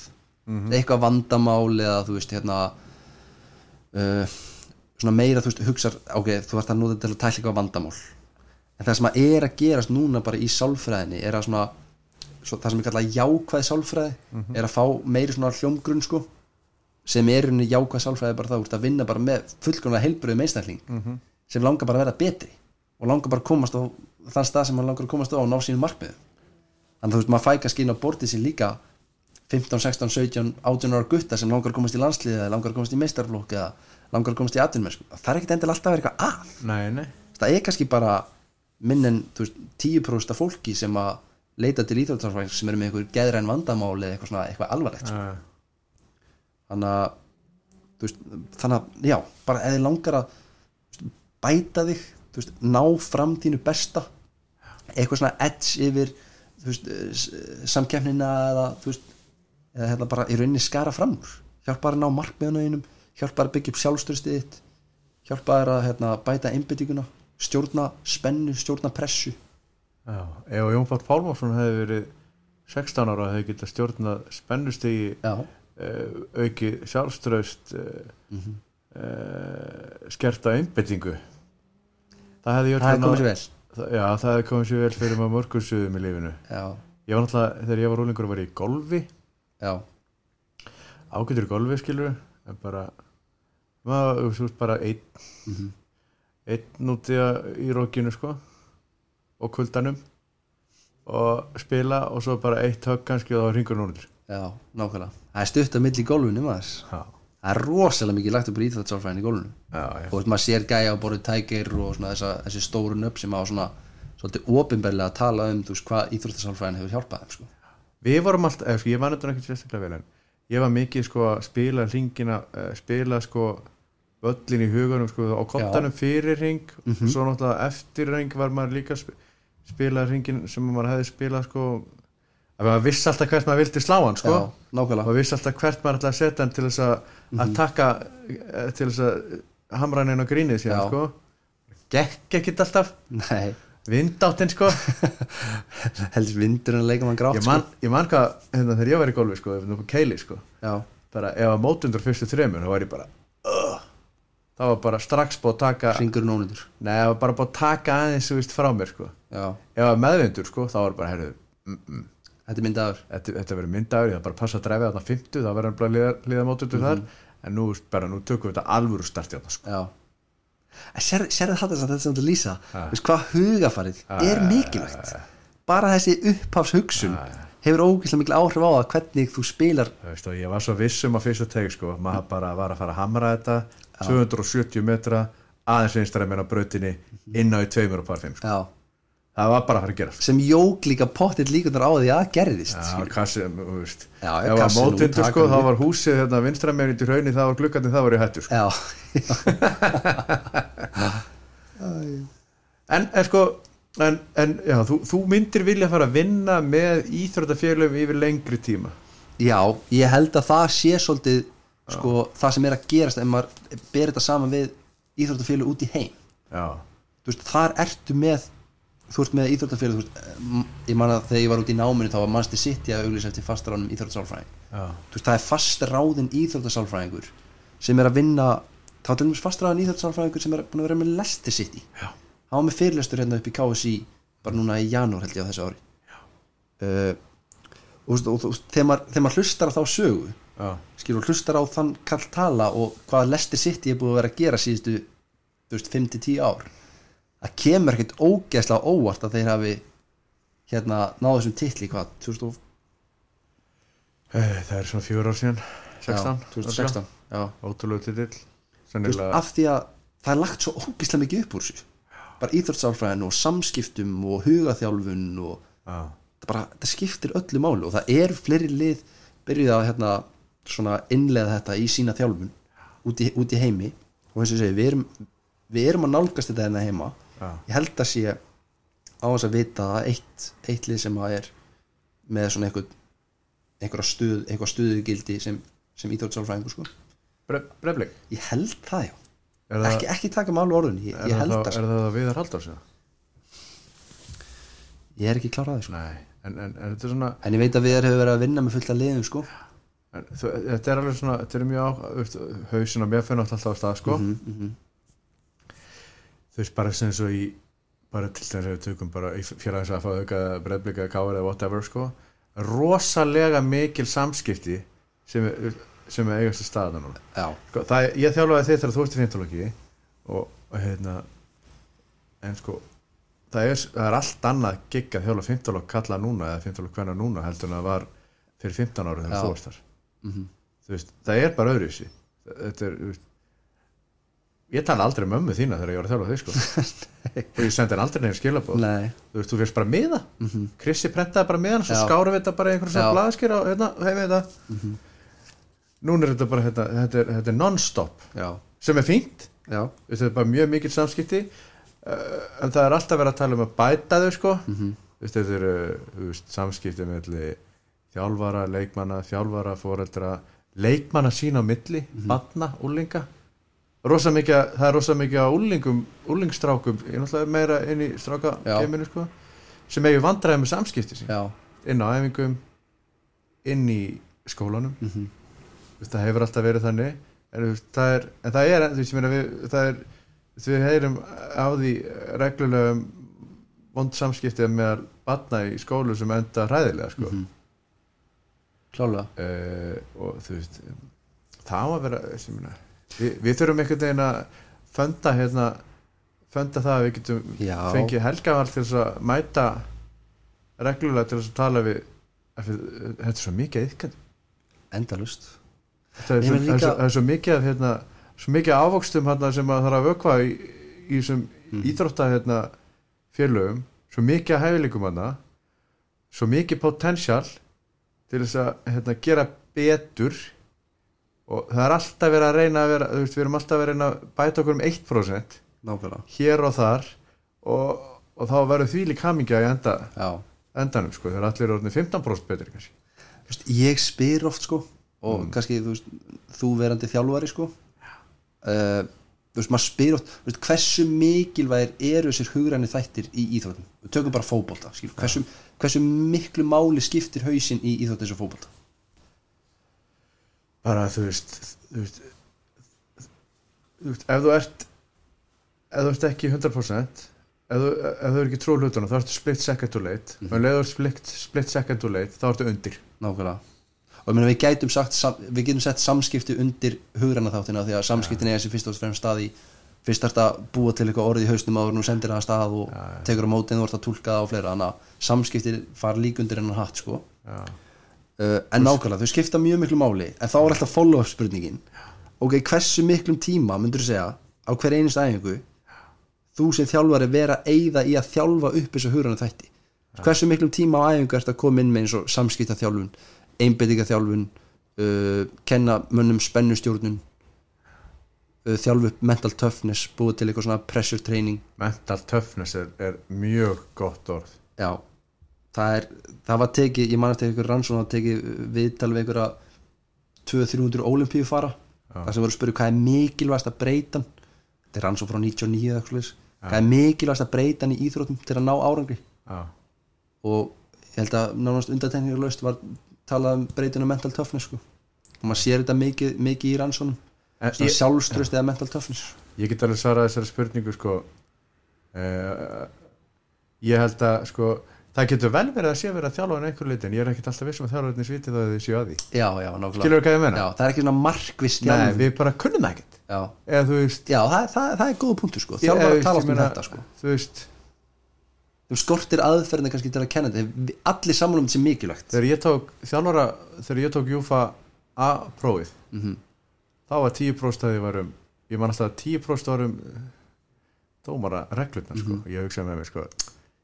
ég var ég man alltaf að 10% var dómara reglutna ég hugsaði með mér ég hefði nú vilja eða meiri tíma í að læra fótbalta leikinn Mhm. sjálfan og hvað ég get, get, get gert leikmennar betur heldur en að vera að pæla í reglunum sko. já, en, en, en sko, já þetta er svona en ég veit sko, ég, ég hef verið að kenna eh, ég hef tekið einn eða tvo fyrirlistar á, á KSÍ. þjálfaranámskeið í KSI sko, um íþróttasálfræði sko. Mhm. en þetta skiptir bara svo ógeðslega miklu máli mm. það er allir, það er allir, sam, allir þjálfarar er vilt sammálum það og leikmenn sammálum það mm. Maður heyrir þjálfara komið í viðtölu eftir leiki og ég tek rosalega mikið eftir þessu sem, sem hérna, með mína, mína gráðu sko. að það er rosalega mikið vísað í þessar hluti. Já við mistum hérna einbendinguna á Já. 5-10 minna kabla í setna áleik fáum okkur tvö mörg leikur í bú veist, samheldin í liðinu var engin í dag eða geggjuð þú veist, eða þú veist, útskýra góða framistu bara, bara menn voru að vinna hvert, hvert fyrir hvern annan hérna og, og, og hérna, samskipti voru frábær menn voru hvetjandi, hvern annan áfram bara jákvætt andúrsloft í liðinu og bara, bara við erum í góðum málum en en svo, svo er engum tíma á æfingarsæðinu eitt í þetta. Þetta er bara svona, stundum erum við með geggja heimbendingu eða stundum geislu að sjálfstöðsti stundum ekki. Bara hérna en ekkert gert í því til að þjálfa það upp sko. það finnst mér pínu súrt sko. þú getur hjálpað við það? Klálega, já, klálega en þú veist, það er samt veist, það er þjálfun, þú vilt innlega þetta bara inn í þessa hefðbundnu fótbolta líkamlegu þjálfun. Við erum alveg saman hvað íþrótt við erum að tala um. Það er gaman að sjá nú er sko ég, ve, ég held að Eður Smári Guðansson sé að fara að þjála aðfálið já, nú næstimli, ég held það, já, þú veist, ég veit ekki hann er ekki búin að skrifa undir en ég, ég, ég held það. Já og hver, hver það með hún, laugið ég veit ekki hvernig Nei, teimi hans verður sko, nei. en bara, þú veist, ég, ég held að Eður Smári sé að fara að þjálfa, þú veist, þegar þetta verður komið í lofti þá er það annarkvæmt on eða off sennilega, já, en hann er náttúrulega búin að spila í Chelsea já, og, og Barcelona, já, hann spilaði í Chelsea hann var hann með Jose Mourinho, já, mamma er skotin í honum. Í hósi eða mamma, mamma, ég var í matja mömmu á sunnudaginn og hún sagði, þetta finnst mér ákaflega myndalegur maður. Ég segi, pappi, mamma er búin að vera skotin í Mourinho núna síðan hann kom í Tottenham sko, já, það er Tottenham er alltaf sjóa upp með heima pappa sko, hann er maður, sko, já, já, hann er huglegur svo er náttúrulega verið í liði þarna Guardiola var með hann í Barcelona sko. Já, og þú veist, ef ég verð svo heppin að fá að spjalla einhvern veginn við hann sko, Mhm. þá væri þetta einmitt eitthvað sem að maður myndi, þú veist, hvernig var þetta hérna í Chelsea og Mhm. Barcelona var, voru þið með eitthvað svona, þú veist af því að það sem að maður er náttúrulega bara vonast til þess að hann komi með eru einhver svona auk, einhver hlutir sem að eru bara top level sem að getur komið sem að hann segir við þurfum að fá þetta, þetta, þetta, þetta. Já. af því að þú veist, þegar þú- þegar þú- fær kannski þjálfara eins og eða spára í, sem er búin að spila á þessu leveli ef hann segir við þurfum að hafa þetta, þetta, þetta, þetta þá áttu bara að fara að ná í þetta, þetta, þetta Skilu, og ekkert eitthvað en, en, hérna, en svona á þetta að vera.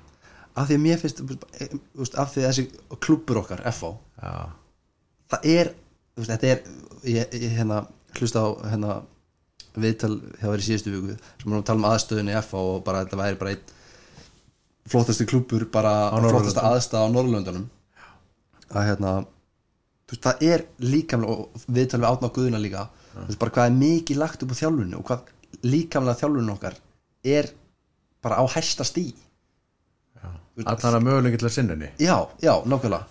Og bara þú veist, hámentaða þjálfara og þú veist, allt upp á tíu sko. En ég, ég sé tækifæri þarna Já. til þess að koma okkur á ennþá herra level. Já. við þurfum að finna einhverja finna einhverja hérna, góða laust til þess að hérna, gera og græja það sko. en líka af því að við vorum að tala um hérna spennustjórnun náðan já, svona stjórna kvíða og streitu þetta. Þá kynntist ég manni út í hérna, Skotlandi sem var að þjálfa fótbollaliði í, í hérna, Störling já, að hann hérna Alistair Dick veitu hvort þú veist hvað það er? Ekki hugmynd sko. Alistair Dick, hann var hérna mér bara fó- að finna hann heitir Dick gömul fótbollkempa sko, yngsti maður á sínum tíma til að, spila, til að spila fyrir tóttina já, ok, spilaði líka með Ajax. Já, já, og þegar hann var í Ajax þá hérna, lögðu þeir ógeðslega mikið upp úr íþróttsálfræði, vorum íþróttsálfræðing þar. Já, og hérna, hann kendi honum hérna, bæði aðferð til að stjórna einbyttingu og kvíða og spennu og svona. Og hann, var, hann er enn þann dag í dag að nota eins og kvíðaslauguna aðferðin þegar þetta er tannlæknis. Það er alltaf ah. ógeðslega stressaður að fara til tannlæknis sko. það getur yfirfært þetta yfir hvað sem er. Önnur aðferð til að hérna sem að hann lærði hjá þessum íþjóðsálfræðing til þess að stjórna einbendingu ég veit ekki hvort ég mæli með þessu sko. En hann hérna byrjaði að vera þreyttur í leikjum byrjaði að missa einbendingu og þú veist, ef maður skoða tölfræðina þú veist, það er í rauninni ekkert ástæðalausu að þú veist, 80% af mörgum í fótbolta koma eftir eftir koma á síðustu 10-15 mínútonum sko. Rétt, uh, að því að þú veist, þreytan hefur áhrif á einbendingu og fleira. Akkurat hann að hérna íþjóðsálfrangin kendunum aðferð sérst, alltaf að bolti fara út úr leik að fara og skoða upp í stúku hérna, og reyna að finna sætur stelpun upp í stúku. Eftir að svona switch off slökk á einbendingunni sko. Já, kvíla sig. Kvíla sig sko og hérna hann byrjaði að nota þetta, nota þetta regla hann alltaf að bolti fór til leik eða þú veist að meittur, meittur leikmaður eitthvað á að lita upp í stúku sko, switch off. Nema hérna að náðist hérna, mynda hann í blaðinu. Í miður leik bara eitthvað sta, starrand upp í stúku. Þannig að hann var mjög, hann var mjög gaggrindi fyrir það sko. Já, en þú veist, samt fyndið sko. Starrand upp í stúku í miður leik, horfa á einhverja skvísu sko. Ég var Bara hugmynd ljósku. sko. Já, Við erum með sko Við erum alltaf með styrtaræðilega þessu podcasti. Já, Við erum alltaf stað, stað, staðsettir í, í, pilsubarnu já. Já, písa, á Vétri og við erum að nota hérna græjur og, frá Origo og þeir gáðu mér svo tölvuðin í síðustu viku. Svo er netgír og styrtaræðilega hérna. Þetta er eitthvað smá græju líka. Rétt, ha, rétt. Og hérna svo er sko Gulliarnar veistu hvað það er? já. veistu þú þetta? já, hann er nýr sponsor og svo hérna, Spíran, veit ekki staðurinn já hann er, geggjaðast þar já, sýsti mér á hann. Á sýstin, já, já, því? Nei. Ég er bara ofta, ofta þanga já, hátinu morgun, Bernes. Já, ha, bara Bernis nei, nei, eða sko naut og, ber, Bernes sko. Ok, og, og tengdapappinar, sýsti mínar hann er á, hann er að skera þetta niður sko, sýsti mín er gift kokki hann á þetta reyndar. Já, en svo fyrir bara þennan þátt sko, þá erum við með sér spons, B.A.J.B. Piero, Sælir. Piero Segata það er risastórt. Hann ringdi mig bara, herðu Eitna, ég sponsaði þennan þátt. Ég tók, ég tók það sjálfsögðu. Að við erum alltaf bara sko, því að ég er náttúrulega svolítið búin að vera í útlandum sko, svo náttúrulega svolítið í bandaríkjunum líka. Já, þar er þetta bara allt hann í staðin fyrir að fara að væla í einhverjum hérna, stjórnamannum að hérna, hvort við getum ekki fengið penninga hýta þetta finna bara sponsor. Já. Nú ringjum við bara í Piero herðu, nú kemur þú og setur hérna inn x marka þúsundkalla á mánuði ári og, og hérna, við, hérna Helgi var þar að fá þetta borga fyrir að gera hitt og þetta og reynum að koma, koma ykkur í hérna, eitthvað í gang, að Piero er að hlusta. Ég kem ekki setna en á mánudaginn. Já, já, í kaffi. Það er alveg, þjónust að hann er B.O.B. sko. Já, gott kaffi, gott kaffi, góða nuttstól geggjaði nuttstól það er rétt já. ég, það er maður ófáum sem við stólist í nuttstóli sko. Og svo er alltaf Robby í, í hérna, framlínunni sko. já, Eh, Robert Karl sko. Robert Karl, Segata geggjaður, hann er alltaf af og já, Viktor er alltaf voru upptíkin að vera mikilvægur sko. já, allt upp á tíu þar sko. Ah, en, en hérna, ég, ég eins og, og verðum að segja sko, þetta bara, ef það er að hjálpa elitileikmennum okkar eða krökkunum með okkar eða efnilegu úlingunum okkar með samskipti. Sem að, mm -hmm. meira og meira bara að kenna þeim góðu samskipti. Uh, sjálfstal einbindingu uh, mental toughness, mental toughness sjálfströst sjálfströst þú veist bara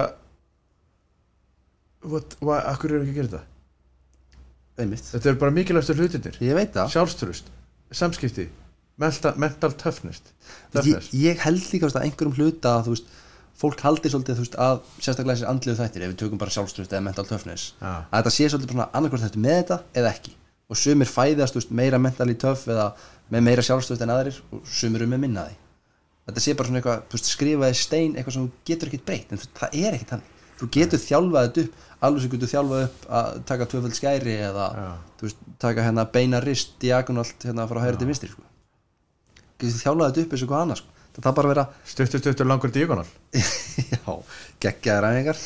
En þú veist, þú getur þjálfað þetta bara upp eins og hvað annað en það tekur tíma. Þú veist, margir líta á íþórtsálfræðina sem svona eitthvað pínu, þú veist, quick fix herðu, kottu hérna eh, með eitthvað fyrirlustur hérna, við erum búin að vera að drulla okkur undir það er gamli skólinn. Það er gamli skólinn. Og það kom inn hérna með veist, einhverja kvartingar eða einhverja motivation og það sparka í rassina á þessu strákum og fá að inch by inch Já. hérna ræðan. Nákvæmlega og einhver, svona, einhver drauma pilla þetta sem ég geðir og allt er í lagi. Bara tekur hann inn einu sinni og þetta er bara ready.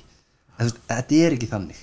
Þa, það, það, gæti virkað, gæti ekki virkað einhverju leiki skilur en maður vill reyna að leggja áherslu á að þetta er langtíma þjálfun Já. sem að þú þarft að innleiða og samtvinna með líkamlegu þjálfuninni til þess að skila einhverjum svona markvísum og langtíma árangur sko.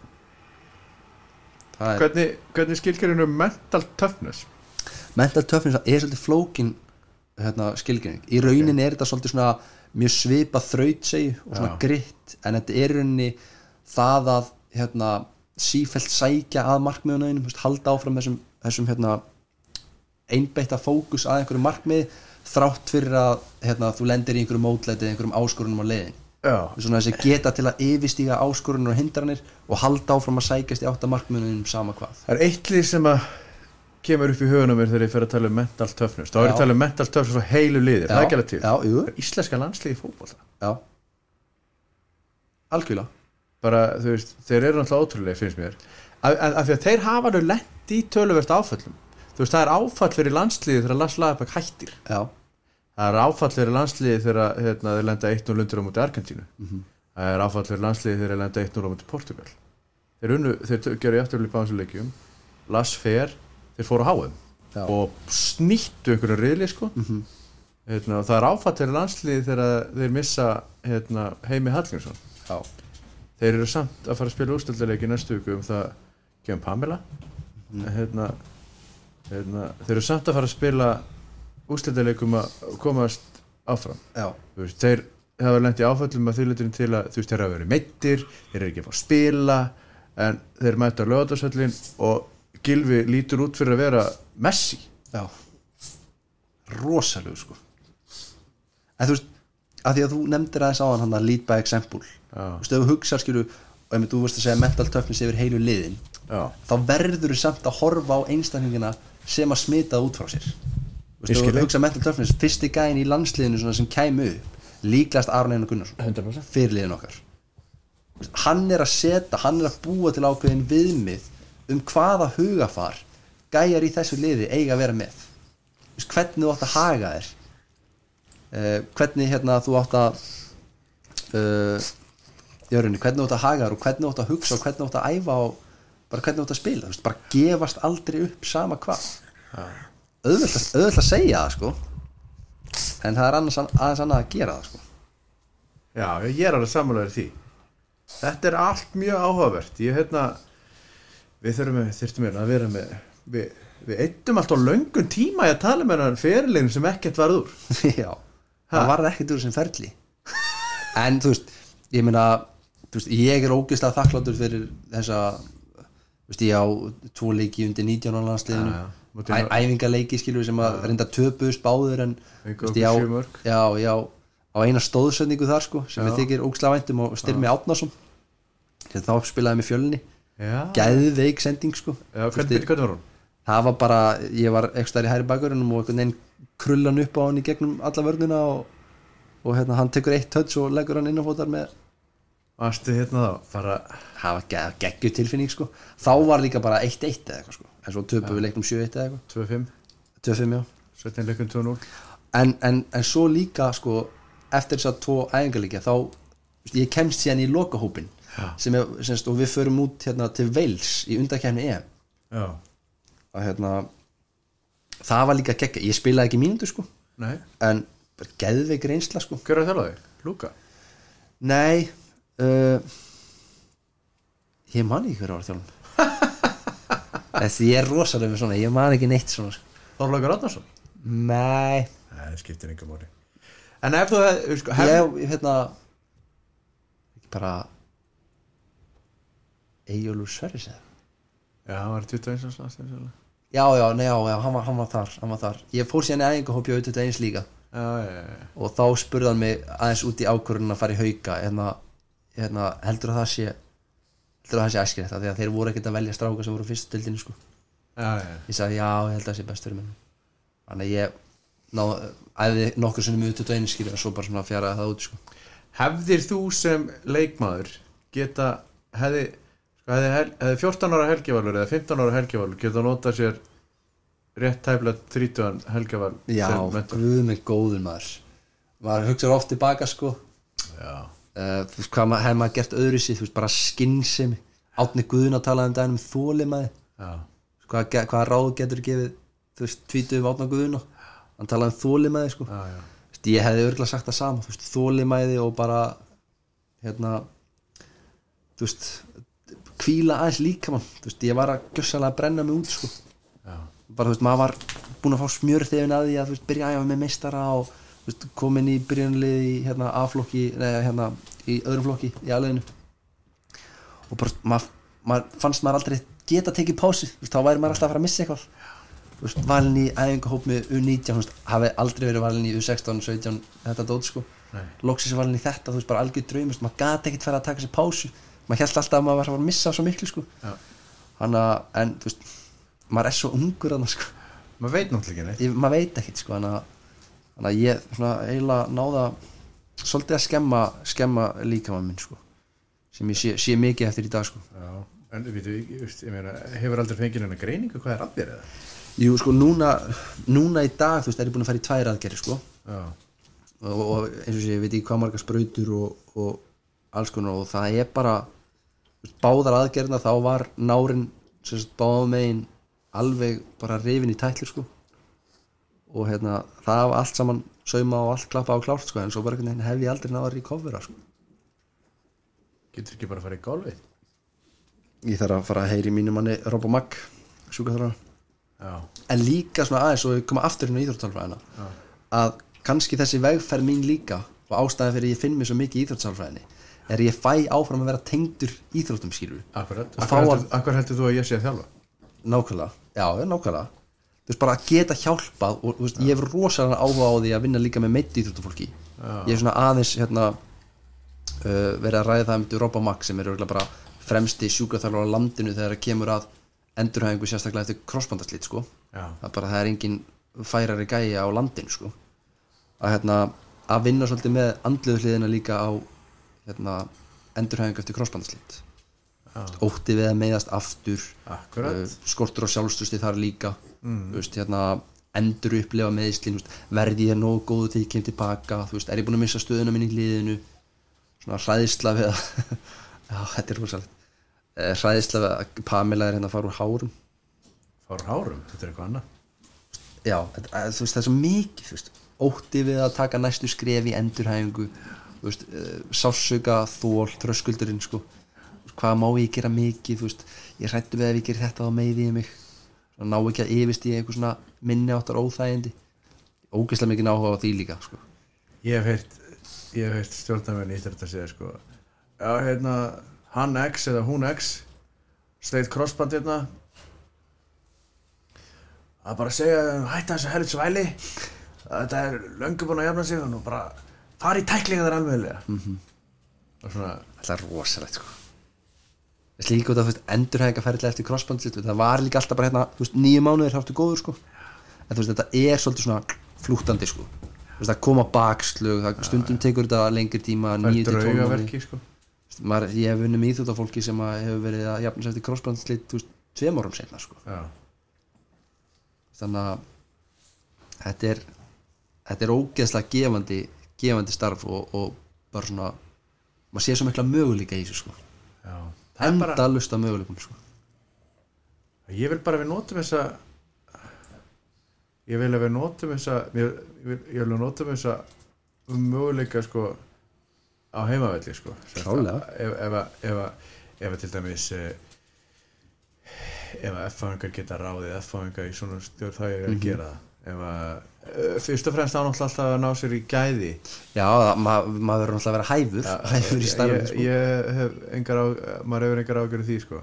en, en hérna mér hefur alltaf fundist gæfa erfæðingar líka mörgulegt í því hversu gott fólk hefur verið að vinna í og fyrir félagi já, sammála því og þú veist það er eitthvað svona skrítið að segja sko, en þú veist, ég bara, bara það er bara, þú veist, það er þú veist, ég er nú reyndar að þjálfa í mörgum fjölum og alltaf haft massíft passan fyrir því sem ég er að gera sko. Mhm. en sko, in the end of the day sko, þegar þú ferð frá okkur félagi þá ertu alltaf effangur skilur við Mhm. þú veist, þegar ég var að þjálfa á eigilstöðum þá var ég, ég hætti og ég vildi ekkert meira heldur en lenda um að defa í byggar en svo, var, hjarta, hjarta svo ertu farin þaðan þá, þá ertu effangur ha. Já, ég, Herðu, það var hrikalega gaman að fá þig heimsam bara takk fyrir að fá mig það er, eins og ég sagði í byrjun, bara sannur heiður sko. eh, okkar var heiðurinn og vonandi getur tekið einhvern veginn með með átna já, með einhverjum hérna, sem e, ég er aðra skriftu hérna, svona sem ræður ykkur Mhm. getur búið til einhvern ramma allan að byrja einhver staðar og, og bæta hana ég, ég hef átt samræði við átna sko, við þurfum bara Já. að það bara taka, taka næsta skref sko. Já, af því að það eru, eru klálega klálega tækifæri til staðar. Ég ætla að gjössalega elska þetta elska þetta starf. Og tel mig helviti heppin að fá að starfa við þetta sko. Já það er alltaf forrættið til fólki að fá að þjálfa við áhamál og það sem það ég finnst fá skemmtilega að kenna þetta líka. Kenna upp í háskóla Íslands og verið að kenna þetta líka upp í HR og nú, verið að kenna, kenna hérna íþjóðsálfræðin upp í HR líka. Á báðum? Báðumstöðum, ok, já. Bæði á me mestarastígin upp í HR og, og bachelorstígin upp í HR uh, mjög fyndið ég ætlaði að fara í veist að, sko, ég er íþróttafræðingur. Já, og ég var að bælja að taka ég var ætlaði semst að fara í, í mestarnám í já þá sko, myndi ég kenna þér sko. og var komin inn sko. Já, en svo æxluðist bara mál þannig að það var hitt og þetta gerast hjá mér sko. Já, en ég var að fresta því, já. Annars skiptið. Þá hefði þú verið að kenna mér. Ég hef verið að kenna kallinn það er bara hlutis kannski einhvern veginn setna já, ég, ég er, er, er komin til að vera. Það er bara hlutis heldur þú endur sem 65 ára gammalt professor í háskóla ég er að sér hættir um það sko. Með þetta ávalið rosalega vel við, við mig sko. Þessi prófessor að vera að kenna og lesa rannsóknir og, og alls konar sliðis ég, þetta, er, þetta er geggja, en líka þú veist praktíkin. Að fá að hjálpa íþróttafólki Já. einn á einn eða fá að hjálpa liðum. Það er svona, það er draumurinn sko. Er ekki geggjað að blanda þessu? Geðvikt sko, er segir, segir sálfræðingurinn. Það er geðvikt herðu aftur þetta var, þetta var ég held að þetta hefur verið success þetta, þetta spjall. Já, ég, hérna, maður geti spjallaði með til allan dag sko. Já. Þetta er- við getum, við hefum getað skipt þessi í kapla sko, hvernig, hvern, hvernig vinnur með krakka á bylunum Já, 10 já. til 12, 12 til 14 úlingstelpur, mm -hmm. úlingsstráka afri síðröftamenn, efnilega leikmenn sem að íþróttafólki meðslumenn, þá hefði náttúrulega foreldrar, mm við, við gætum sennilega búið til einn eitthvað svona tíu þátta serju, Já. auðvitað sko. Bara mjög auðvitað ef ég væri leikmaður og væri 14 ára, 15 ára hvernig kemst ég saman því? uh, það er eiginlega langt best að náðu mig bara í e-mail. Bara helgipáls.hi.is við endum þetta þar Takk kærlega fyrir komuna. Takk svo mjög